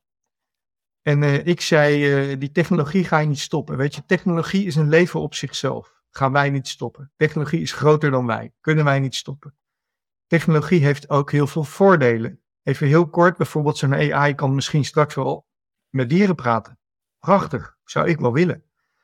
Zo'n AI kan misschien straks dromen verklaren. Is niet raar om dat te denken. Nu al, een AI kan aan jouw hersen, aan de metabolische processen in, jou, in jouw hersenen kan zien waar, waar jij naar kijkt. Nou, AI, dus die technologie gaan we niet stoppen. Die kunnen we ook in ons voordeel gebruiken. Ik denk dat we het anders moeten doen wij hadden het er net al over, die menselijke kwetsbaarheden, die uh, kunnen wij in kaart brengen. En daar kan je wat mee. Want uh, wanneer ben je kwetsbaar als jij uh, een behoefte hebt, of je bent bang gemaakt, of je, bent, je hebt bepaalde emoties, of je hebt nog trauma's uit het verleden, of je wordt de hele dag bang gemaakt door de media en je kan je daar niet mee omgaan. Wat je kan doen is eigenlijk een beetje een spirituele oplossing. Als jij, als jij tevreden bent je bent triggerfree. Hè? Dus je, hebt, je triggert niet meer op dingen, de emoties kan je mee omgaan. Je bent in rust. Je hebt een goede, solide sociale omgeving. Je hebt vrienden waarmee je kan eiken, kan spiegelen, kan... Begrijp je wat ik bedoel? Je kent jezelf goed. Je zit een beetje te mediteren. Laten we het even zweverig maken. Je, je, je bent vrij van, van dat soort... Dan kan je daar tegen. Dan kunnen ze die technologie op jou loslaten wat je wil. Maar dan kan je er in principe mee omgaan. En uh, misschien is het wat idealistisch. En uh, het zal ook niet uh, eh, 100% werken. Maar stel dat we 50% minder beïnvloeding. Door gewoon iets anders spiritueel pad te gaan bewandelen. Door met jezelf in vrede, door, door... Dan hoef je die technologie ook niet weg te doen. Dan kunnen die mensen die kunnen maken wat ze willen. Daarnaast, dezelfde technologie die ze tegen ons gebruiken, kunnen we ook voor ons tegen hun gebruiken. Dat ook. Maar dat punt is nog ver van ons weg, hè? want dit is technologie die heel veel resources nodig heeft. We hebben het over datacenters vol aan CPU's en zo. maar dat was vroeger een. die technologie, die, die, die, hoe zeg je dat? Die democratiseert zich vast heel snel hoor. Dus die krachtige AI zullen binnenkort ook op onze telefoontjes zien en in andere dingen. Dus dat, dat is, komt ook goed. Het probleem dat ik zie is dat uh, de wilskracht voor mensen om nee te zeggen niet zo sterk is als de aantrekkingskracht van die technologie om ja te zeggen of meegesleurd te worden. En dat als er geen grens is van die verleiding, dat die sirenes, hè, zoals in de mythologie, dat je niet even was in je oor kan doen als Odysseus om te zeggen van ik wil niet uh, aan de verleiding uh, blootgesteld worden, dat mensen meegezogen worden. Want we zijn kwetsbaar, we zijn programmeerbaar en ze spelen in op die essentiële tribale drijfveren. Dus met meer en meer middelen om ons te verleiden, denk je dat de mens de wilskracht en de, de. Je hebt de power of now, but the power of not now. De power of niet nu en nee zeggen. Dat je wilskracht om een uur uitgeput is en dat je negen keer nee zegt, maar de tiende keer toch je gsm neemt, toch check, toch meegesleurd wordt. Dat vrees ik. Ja, je hebt het, ja, tuurlijk, tuurlijk. Dat is ook wat er nu aan de hand is. Maar daarom, daarom zeg ik, we zouden dat uh, spirituele pad collectief moeten gaan bewandelen. Daar is wel een hoop te halen. En uh, dus een innerlijke rust vinden. En, uh, en Jung heeft het over de, de, in jezelf kijken. Maar dat spirituele pad, daar valt veel meer te halen op korte termijn misschien dan technologie gaan verbieden. Hoe kan je technologie verbieden? Dat kan toch niet? Want een van die dingen, als we dan toch mythologisch gaan, je kijkt dan soms naar Adam en Eva, dat ze de appel hadden en dan de keuze en de keuzevrijheid hadden. Uh, dat ze konden kiezen. En dan als straf zei God van, tegen de man van nu moet je werken om, om, om, om te overleven tot het einde van de dagen. En we leven nog altijd in een maatschappij dat dat werken enorm veel identiteit geeft. Dat dat de status geeft, de zingeving van mensen geeft. Maar de vraag die ik me stel met AI, als zoveel jobs verdwijnen, of dat ja, een AI een job kan doen waar je 30 jaar voor gestudeerd hebt, maar dat doet het zoveel beter waar gaat die zingeving van mensen nog vandaan komen als die niet meer volledig geankerd zal zijn in werk en jobs? Ja, maar dat is, dat is, een, groot, eh, dat is een groot probleem, denk ik. En uh, ik moet aan mijn broer denken, die is uh, controller en die maakt allemaal rapportages met zijn Excel en daar is hij dagen mee bezig en dat laat hij dan aan iemand anders doen. Maar die iemand anders kan met die, met die co-pilot die nu in Excel zit, kan het ook gewoon direct aan Excel vragen en dan krijgt hij een minuut later krijgt hij hetzelfde antwoord waar mijn broer drie, vier dagen mee bezig was. En uh, ik, ik, ik noem wel eens het voorbeeld van. Um, vroeger ging. Vroeger. Uh, ik zit even te denken hoe die heette. Je had. Uh, laten we bij Francis Ford, bij Ford beginnen. Die, laten we het heel simpel maken. Die vond de fabriek uit. Dat deed hij niet, hè, maar de fabriek, het fabrieksmatige werk. En toen gingen we alles op die manier organiseren. De productie ging enorm omhoog. En er waren steeds minder mensen nodig. En toen hebben we eigenlijk kantoorwerk uitgevonden. Dat is, uh, laten we zeggen, fabriekswerk met papier. Eigenlijk als een soort bezigheidstherapie. Want 95% van al dat kantoorwerk, dat is natuurlijk bullshit. Dat is, gewoon, dat is gewoon bullshit. Maar het houdt ons wel bezig. Het geeft ons wat zin. Het geeft zingeving. Misschien gaan we nu wel uh, iets heel nieuws uitvinden. Eigenlijk, eigenlijk onnodig werk. Gewoon, gewoon flauwekul. Maar we gaan het allemaal heel serieus oppakken. We gaan allemaal baantjes, omschrijvingen voor maken. We gaan allemaal goed voor verdienen. Maar ik zie dat nu al. Ik heb de bepaalde mensen die ga ik naar een luchthaven en dan zeg ik van dat wil ik dat geld aan hen geven en dan is hun job, dan wijzen ze naar de robot die mij mijn geld teruggeeft. Of een Uber, kan jij bestellen? Nee, nee, nee, dit moet je bestellen met die QR-code. En ik denk dan, je beseft toch dat je jezelf compleet overbodig aan het maken bent. We wat jij zegt, dat klopt denk ik wel. We krijgen een soort existentiële crisis over ons heen. Van mensen. Je ziet het nu al, wat er gebeurd is in de coronacrisis, is het expres gebeurd. Ze hebben onze sociale netwerken verbroken. Ze hebben onze contacten verbroken. Ze hebben ons geïsoleerd, letterlijk, maar ook uh, spiritueel. Ja, en mensen zijn in verwarring. Mensen zijn uh, ontheemd. Mensen zijn uh, ongelukkiger, denk ik dat gaan we dan nog meer krijgen. Want waar, wat is jouw doel? Wat is jouw purpose dan nog op aarde? Als jij, uh, weet je, die robots die doen alles voor ons. Alles wat we willen weten kan je in, in één zin aan een, uh, aan een AI vragen. Wat is ons doel dan nog op aarde? Wat is de waarde ook van cultuur? Ik kan per se, per se nu een AI intypen van schrijf mij een tekst als Oscar Wilde. Doe nu een discussie tussen Voltaire en Rousseau. Ik kan schrijven ouverture als Beethoven. Dus ik kan die het genie van die mensen gebruiken om nu eigenlijk kunst te genereren. Dus wat is de waarde nog van kunst? Als kunst gewoon nieuwe ideeën linken is, typ ik het gewoon in en link ik die nieuwe ideeën en daar heb ik het. Maar dan kom je dus bij een hele rare situatie. En ik heb er ook over zitten nadenken dat mensen bijvoorbeeld ik zou die film wel graag zien, maar met die verhaallijn, eigenlijk met die acteur, en ik zou willen dat James Dean dat speelt, en je geeft dat allemaal in, en je hebt gewoon A, een individuele film om te kijken. Of je typt gewoon een script in, al de acteurs, de dialoog wordt gewoon gegenereerd, en je zit dus op een café van, wat heb jij gedaan, uh, Patrick? Wel, ik heb vandaag een Dostoevsky-boek geschreven. Oh, ik heb een film geregisseerd. Oh, ik heb een, uh, een, een album gemaakt. En er zal zo'n inflatie zijn van kunst en cultuur dat het uiteindelijk niets meer waard is ja, ik weet niet of dat slecht of goed is, maar wat je krijgt is. Uh, authenticiteit wordt natuurlijk heel belangrijk. Iedereen gaat op zoek naar authenticiteit. En die ga je toch alleen maar vinden met je eigen vrienden en in je eigen omgeving, met je eigen waarneming. En uh, misschien is dat ook de ontsnapping uit de matrix.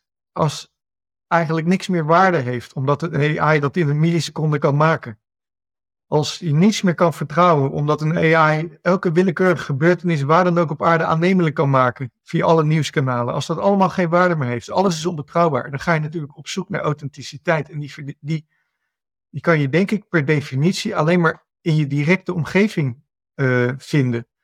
Dus ja, dan ga je op een gegeven moment ga je niet meer op Twitter, want wat kan je nog geloven? Is die persoon met wie ik zit te praten, is dat wel een persoon? Ja, maar zit eigenlijk met een paradox dat de meeste mensen van hunzelf authenticiteit verwachten en dat mensen eigenlijk willen dat mensen hun appreciëren voor authenticiteit, maar dat ze vooral andere mensen willen controleren. En ik zie dit vooral in relaties ook, dat ze een voorspelbaar iets willen, mensen dicht genoeg om een conversatie mee te hebben, maar ver genoeg en op een afstand dat ze zelf kunnen bepalen hoe ze ermee om willen gaan. Dus hier wordt een soort van, ja, ik, ik zie dit ook met OnlyFans, hè, dat ze nu al zeggen van met porno, we kunnen nu eigenlijk een relatie hebben, uh, heeft de seksualiteit, intimiteit. Ik heb het gevoel dat ik een relatie heb, maar zonder de schaamte, zonder dat ik het werk moet doen. Dus dat is nu de stap met OnlyFans. Maar dan zie ik de volgende stap gewoon met een AI-vriendin te hebben. Dat je perfect snapt, dat je behandelt zoals je wil. Je hebt de seks, je hebt de leuke gesprekken. En het is allemaal makkelijk en het accepteert je zoals je bent en je moet niet meer de moeite doen van die moeilijkheid van echte menselijke relaties. Maar waarom, waarom zou je daar bang of niet bang voor zijn? Het gaat om gebeuren en wij gaan daar een weg in vinden.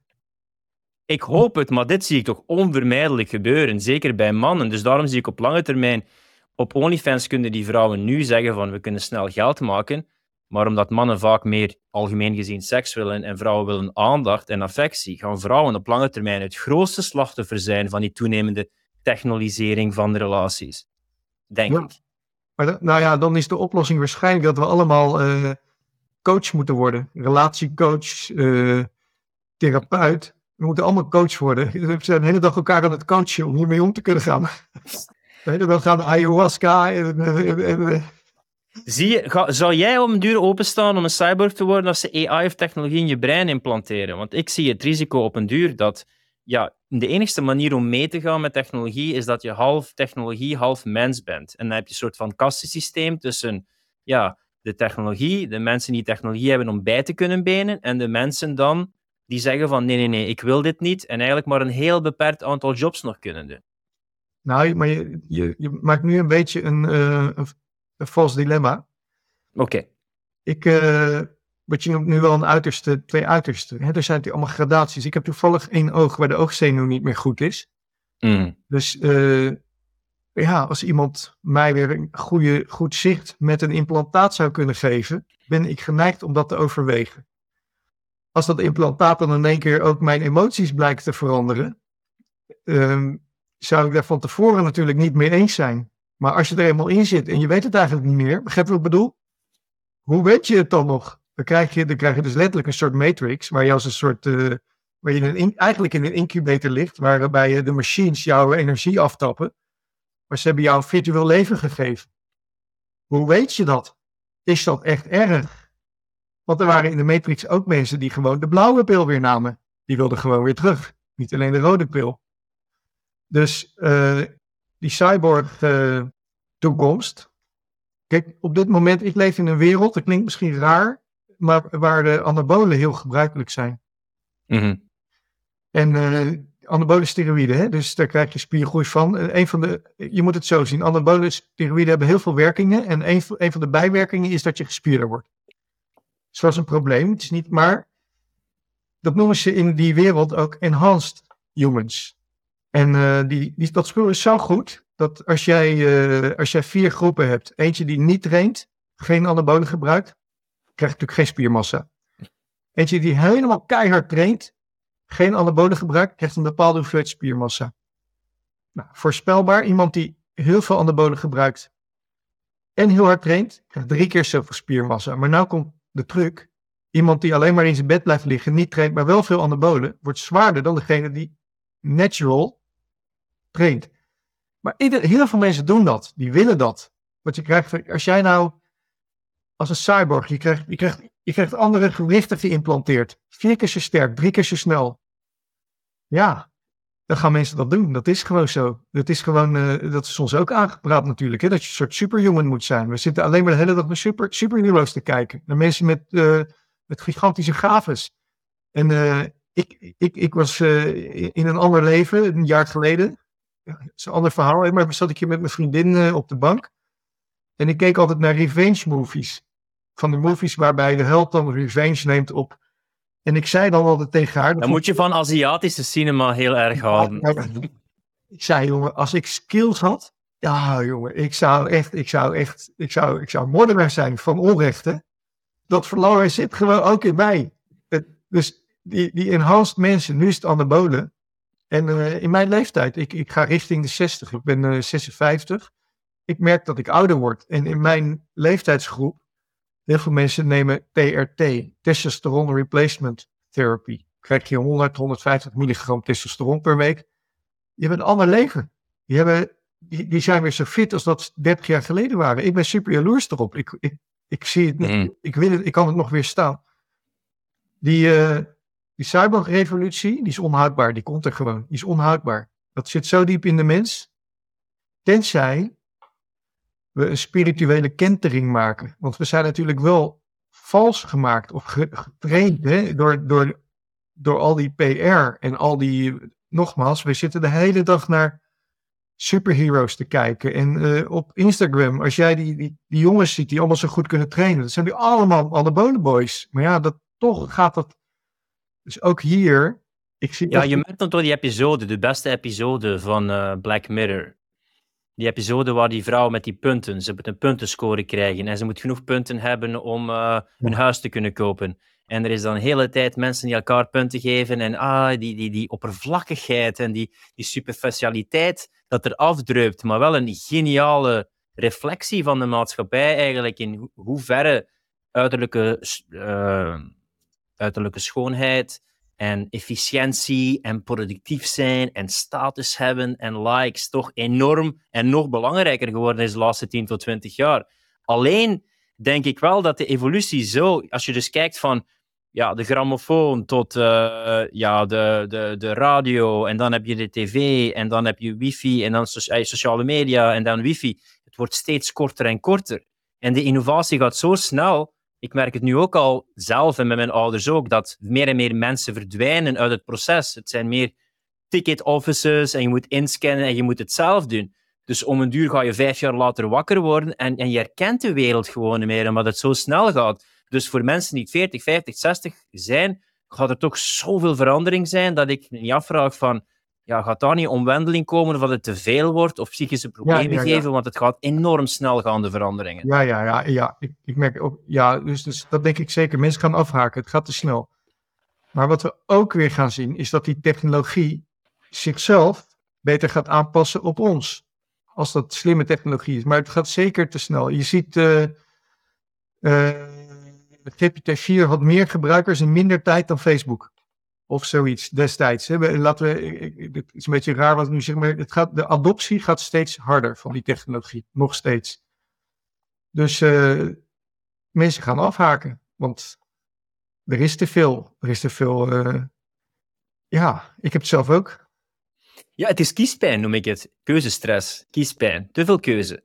Ja. Het probleem is niet te weinig keuze, het probleem is te veel keuze. Het is gewoon zoveel keuze. En als je nieuwsgierig bent en je wilt bijbenen, dan blijf je overal aan het lopen en om een duur ben je gewoon uitgeput, want je blijft cirkeltjes lopen om ja, bij te kunnen bij en verschillende impulsen te volgen. Maar je ziet ook wel steeds meer mensen die dus uh, daar niet meer in willen leven. Die dus uh, andere wegen zoeken. Ik, ik, zeg maar, je hebt uh, ja, authentieker gaan leven, eenvoudiger leven. Ik voel die behoefte ook, gewoon eenvoudiger leven. Ik wil wakker worden met de zon. Ik wil naar buiten lopen met mijn blote voeten op de aarde. Ik wil eventjes daar gewoon. Ik zou willen dat ik van die mobiele telefoon af zou, zou kunnen blijven. Dat moment komt binnen nu in een jaar, komt dat. Dat het uit mijn keuze gebeurt, want nu ben ik natuurlijk een slaaf van dat ding.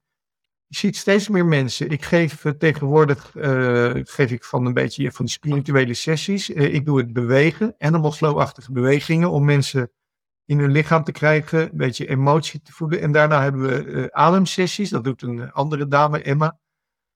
En je ziet steeds meer mensen hebben behoefte aan een ander pad. Dichter bij zichzelf, bij hun authentieke zelf. Dat zie je ook. Dat zie je ook. Want dit authentieke zelf, als dat een kwestie is van gewoon, gewoon, gewoon upgrades te hebben, dan vraag ik me echt gewoon nog van, ja, wat is de rol nog van onderwijs? Als het gewoon zoals de Matrix hier, nu spreek je Spaans, uh, chip, hier spreek je Japans, nu kan je vliegen, nu kan je dat. Wat is het proces nog van leren en ervaring, als je het gewoon kan kopen? Om te beginnen spreken we dan niet meer Spaans of Engels, maar krijgen we allemaal die chip met die ene universele taal. Maar uh, nee, dat klopt. Maar waarom is, onderwijs, waarom is onderwijs zoals onderwijs is? Dat is om ons geschikt te maken voor de industrie. Dus uh, kinderen zijn in bepaald opzicht intelligenter dan volwassenen. Je hebt het bekende paperclip voor, voorbeeld. NASA kwam, ik, ik, las laatst een ander NASA voorbeeld. Hadden ze een metric voor intelligentie. En hoe hoger opgeleid, hoe minder intelligent. Want je wordt convergent denkend, word je, in plaats van divergent, in plaats van creatief. Dus moderne onderwijs is bedoeld om ons toepasbaar te maken in hun industrie. Dus is dat een gemis? Wel, de vraag is natuurlijk dat toen de menselijke hoeveelheid belangrijk was om de industrie te laten draaien, maar als de mensen steeds minder belangrijk zijn voor diegenen in de macht, ja, dan moet het industriële systeem veranderen, want de fysieke massa van de mens is steeds minder belangrijk en de industriële of AI of technologische massa, dat is wat belangrijk is. Maar, maar even een vraag aan jou. Hè. In, in deze, deze trend van redeneren. Wat is voor hun straks onze waarde? Um, wat is er straks nog aan de mens? Ik denk eerlijk gezegd enorm weinig. Ik denk echt Soylent Green-achtige dingen. Echt, het is echt... Uh, ja, nee, je hebt zo. Mijn, een van mijn, de, beste series die ik, de beste serie die ik ooit gezien heb is uh, The Twilight Zone uit de jaren 50, 60. En er is een aflevering dat noemt To Serve a Man. En er komen aliens die op de planeet landen en die delen alle technologie met de mens. En de mens, de welvaart gaat omhoog, mensen worden gezonder, worden, worden dikker, leven veel langer. En de mensen nemen die technologie over en om een duur zeggen ze van, die technologie is zo fantastisch, wij willen eigenlijk Duitsland uh, bezoeken van al die aliens, want die hebben zoveel kennis naar ons gebracht. En ze hebben een hele Bijbel, uh, To Serve Man, dat alles instaat van de technologie die ze hebben. En er blijven maar families naar die planeet gaan. En om een duur op het einde van de Twilight Zone is al die nieuwe acteurs en een, en, en een twist. Zegt die persoon die net zijn moeder of zijn vriendin naar boven zie gaan in het ruimteschip. Nee, nee, het was geen handboek van technologische innovatie. Het was een kookboek. To Serve Man. Ze hebben je vet gemaakt en vet gemest om dan te kunnen gebruiken. En nu komt het plan eigenlijk naar boven. Het is wel een sinistere kijk van mij, maar dat was... Uh... Nou, wat kun je voorstellen? Bij, ze hebben straks niks meer aan ons, want qua productiekracht is zo'n robot natuurlijk veel beter en zo'n AI veel sneller. Dus wij krijgen straks, uh, net als we hier al die Sure Store uh, pakhuizen hebben, waar je je spulletjes, uh, kan je een kamertje huren, kan je je spulletjes in doen, kan je straks gewoon een pot kopen stop je je lichaam in. En jij uh, gaat gewoon in de virtuele wereld ga je meedoen tussen de AI's. Tussen de, je hebt je lichaam toch niet meer nodig. Ja, en ook oorlogsvoering. Hoe gaat oorlogsvoering moeten gebruiken? Nu is het nog boots on the ground, fysieke kracht. Maar in de toekomst wie, wie het meeste robots produceert en dan tegen elkaar vecht en dan weer robots kan produceren? Of hoe werkt het? Want die, die robots gaan veel efficiënter, veel beter, veel langer uh, oorlog kunnen voeren dan dat een mens dat kan. Ja, maar wat ik net al zei, um, die AI wordt slimmer, maar ook oncontroleerbaarder en gaat ook steeds raardere fouten maken. Dus het kan ook zomaar zijn dat wij, wij zien nu die groei en wij, wij, wij extrapoleren dat tot een bepaalde niveau. Maar het kan ook zijn dat het nu al aan het afremmen is en dat we er nooit zullen komen met die AI. Begrijp je? Dat die AI gaat mislukken. Dat, dit, dat kan ook. Want als die AI, die blijft maar alle kanten, hè, hij blijft maar onvoorspelbaar. Er hoeft er maar eentje tussen te zijn met een groot wapen dat, uh, dat de verkeerde kant op schiet. En dus, dus en, en weet je, als je in evolutie gelooft, en uh, ik vind het aannemelijk, maar ik vind de, de, de intelligent design vind ik ook aannemelijk. Hè? Dus laten we dat even mm laten. Maar laten we over e-, evolutie. De, de, mens, als je nou kijkt naar uh, de complexiteit van de mens. Als je nou één celletje neemt, hoe afgrijzelijk complex dat ene celletje is. Alle machientjes die erin zitten. Alles wat het celletje kan. En daar heb je er 15 triljoen van in je lichaam. Je hersenen ook. Als je ziet hoe. Daar zijn we natuurlijk met AI nog lang niet. Dus we hebben nu een hele grote stap gemaakt. Maar misschien remt dat al heel, heel snel af. En gaat het ook nog honderden miljoenen jaren duren voordat die AI dit niveau bereikt heeft. Begrijp je? Dat ze ook gewoon kunnen. Ja, er zijn wel veel aanwijzingen. Als ik Lex Friedman en Ray Kurzweil hoor, dan praten ze over 2030, 2050 uh, maximum dat de singulariteit. Be, uh, en, en wat zou dat moment van singulariteit eigenlijk betekenen voor de mens? En misschien kan je ah. uitleggen wat dat singulariteit precies is en betekent, maar hoe significant zou dat zijn? Ja, ik heb vroeger in het begin nog een, een, een, een chat gehad met Ray Kurzweil.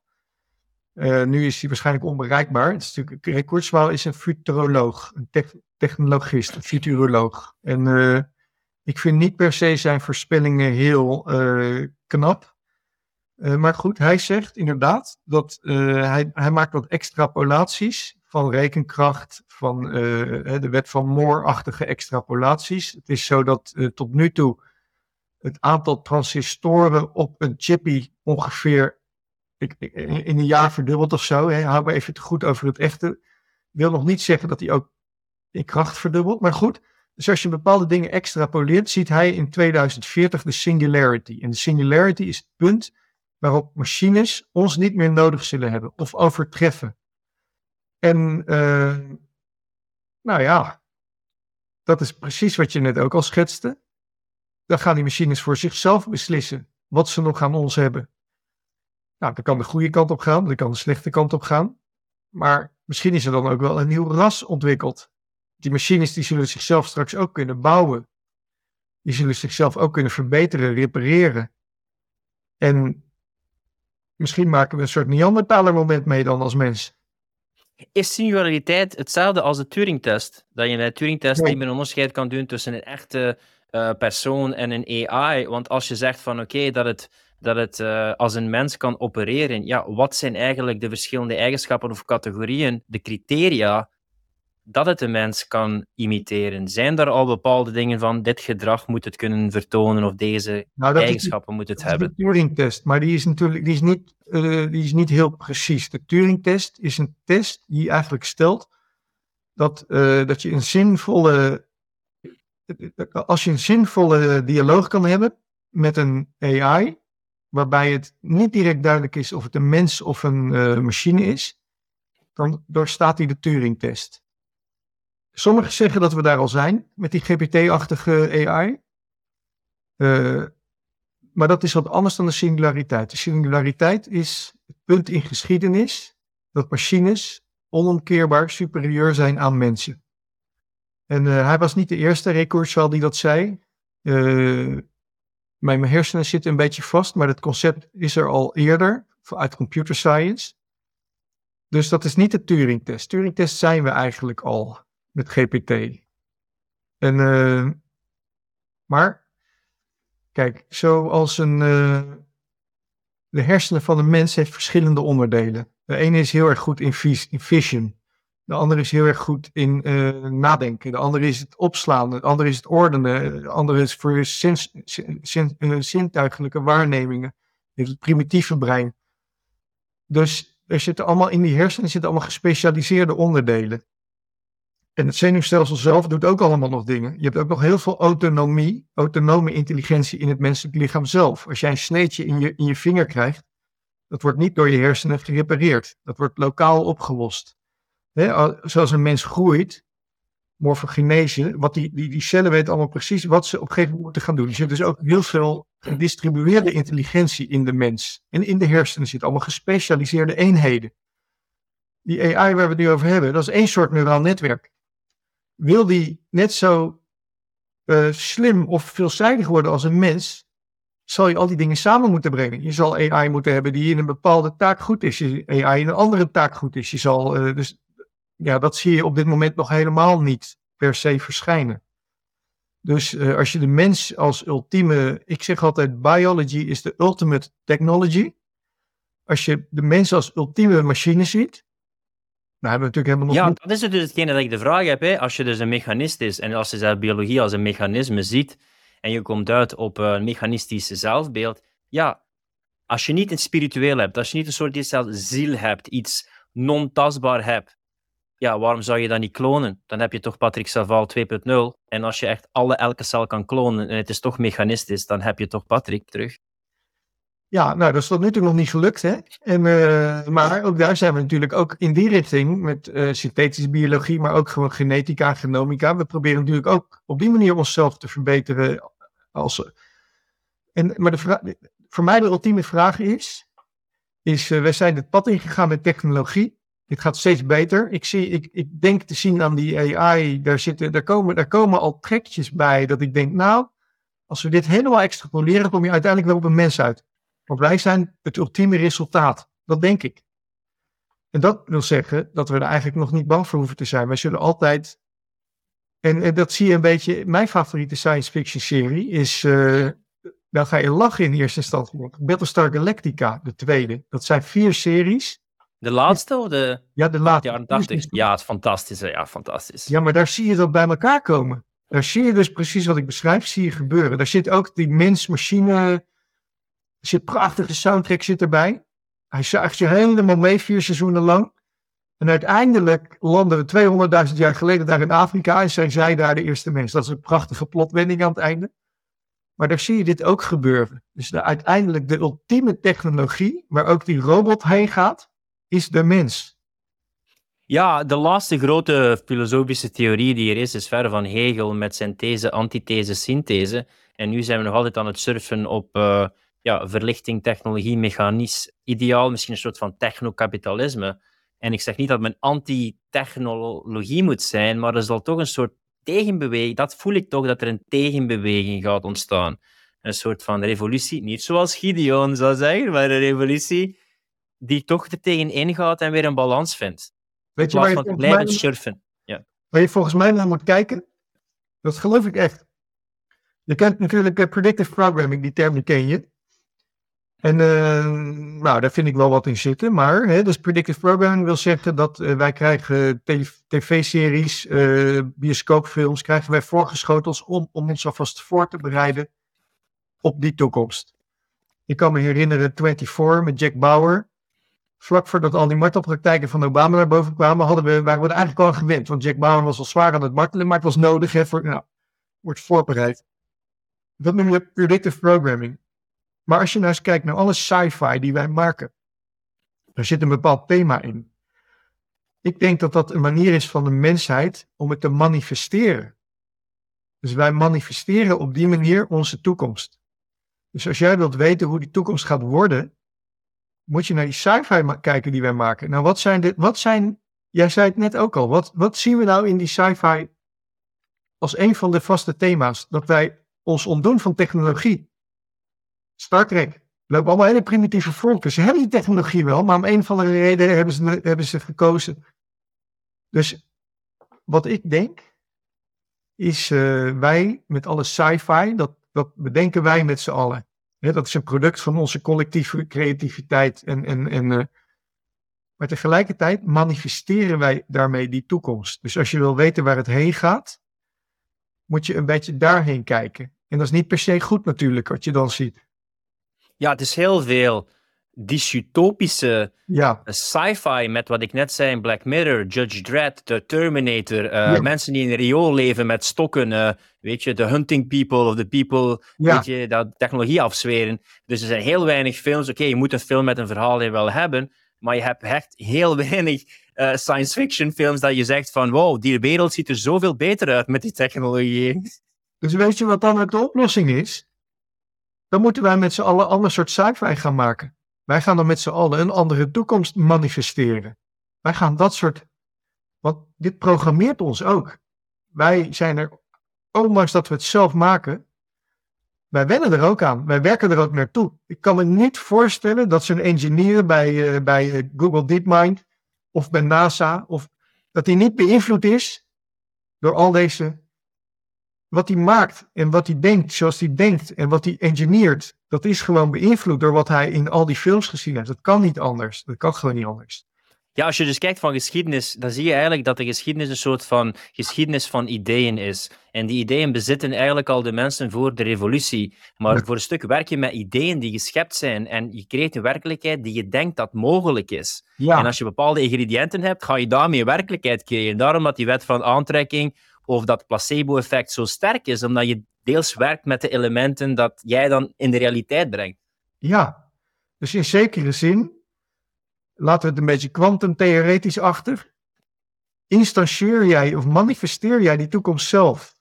Wij met z'n allen. Dus als wij nou gewoon andere films gaan maken, andere boeken gaan schrijven, we gaan andere toekomsten, we gaan, kom je toch weer op het spirituele, want dat zit er dan achter. Dan krijgen wij een andere toekomst. Wel, dat is het laatste dat ik mee zou afronden, want dan maken we het ook een beetje rond als we praten rond het verzet. Ja, het verzet is ook afzetten tegen, niet iets creëren, niet uh, creatief, maar reactief zijn. Wat moeten we dan eigenlijk doen? Moeten we zelf uh, een mars door de instituties hebben en nieuwe instituties ontwikkelen, nieuwe denkbeelden ontwikkelen, nieuwe bewegingen ontwikkelen? Wat zijn meer creatieve, uh, proactieve, uh, constructieve manieren in plaats van in het verzet te zitten? Ja, in het verzet zitten is niet goed. Dus het verzet is het regime van morgen. Dat komt omdat ze zijn hetzelfde paradigma, maar een tegenpol binnen dat paradigma. Nou, dat is niet goed. Wat je denk ik moet doen, is, we hadden het er net al over. Vroeger, toen we begonnen, na 9-11 kwam, had je de Truth Movement. En die had gewoon vaste normen en waarden. Daar hadden ze niemand anders bij nodig. Dat was waarheid. Hadden ze niemand anders bij nodig. En voor mezelf zeg ik altijd, ik kwam in die, in die Tate-discussie terecht. En ik zat op een gegeven moment aan tafel bij Weltsmits 4 tegen 1. En ik voelde me een beetje een soort rare flapdrol. Maar ik voelde dat echt zo. Ik heb nog even met vrienden gebeld. Ze zeiden, nee, je, zit, je je doet het goed.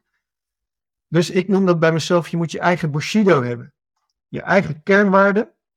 Bushido is van de, van de Japanse zwaardvechters. Van de, en daar hou je je aan vast. Ongeacht wat er om je heen gebeurt.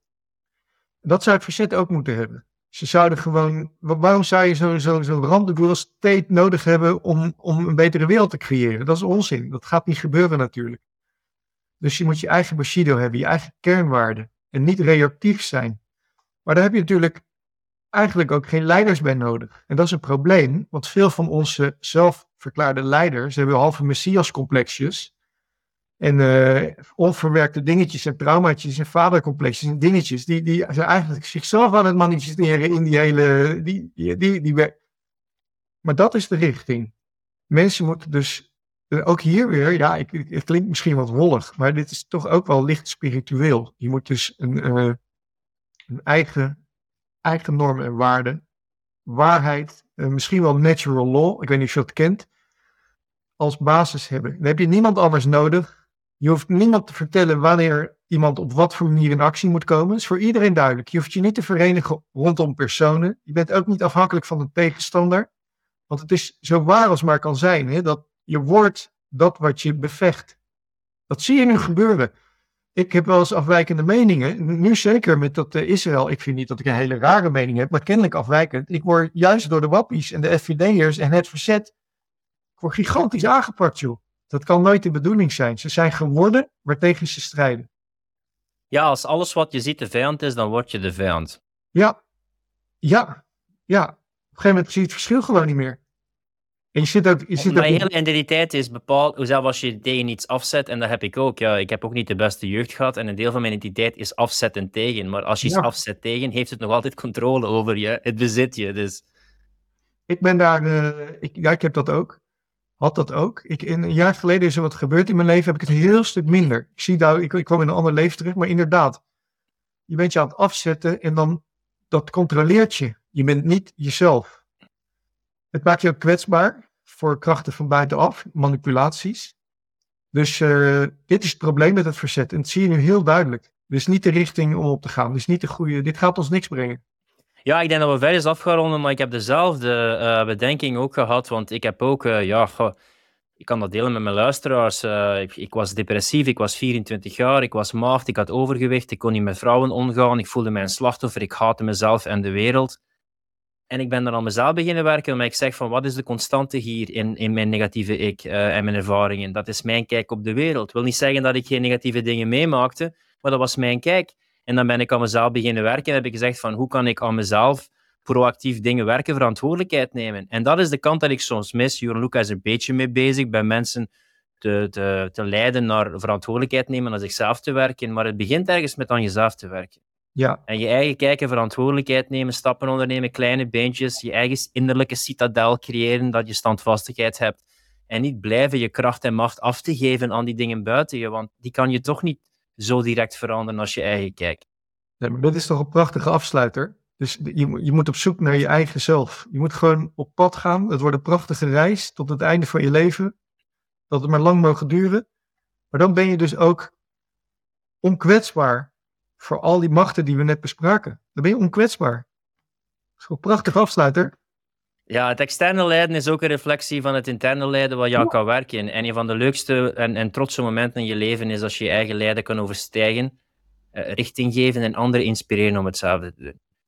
Bedankt voor jou om je waarheid te spreken en je eigen mening te zeggen, ongeacht wat uh, mensen uh, van je denken of over je zeggen. Als mensen meer willen weten over je boeken, je schrijfsels, je tweets uh, en andere boeken, waar kunnen ze meer over jou te weten komen? Nou, ik zou ze niet meer naar mijn Twitter wijzen, want ik krijg ze heel veel. En ik, voor LinkedIn ben ik ook. nee, je kan er voor mij niet zo heel veel vinden. Je zal her en der wat podcasts zoals deze zou je moeten kijken en dan je mening moeten vormen over mij. Patrick Saval, uh, beste luisteraars, google het, check zijn boeken en bedankt om een gast te zijn op de podcast, Patrick. Ja. Ben je een ondernemer en wens je een succesvolle podcast te creëren? Of wil je snellere resultaten via simpele systemen die je contentcreatie, productiviteit en verkoop verbeteren? Ga dan naar hetehangijzers.com start en ontdek wat Philippe voor jou kan betekenen.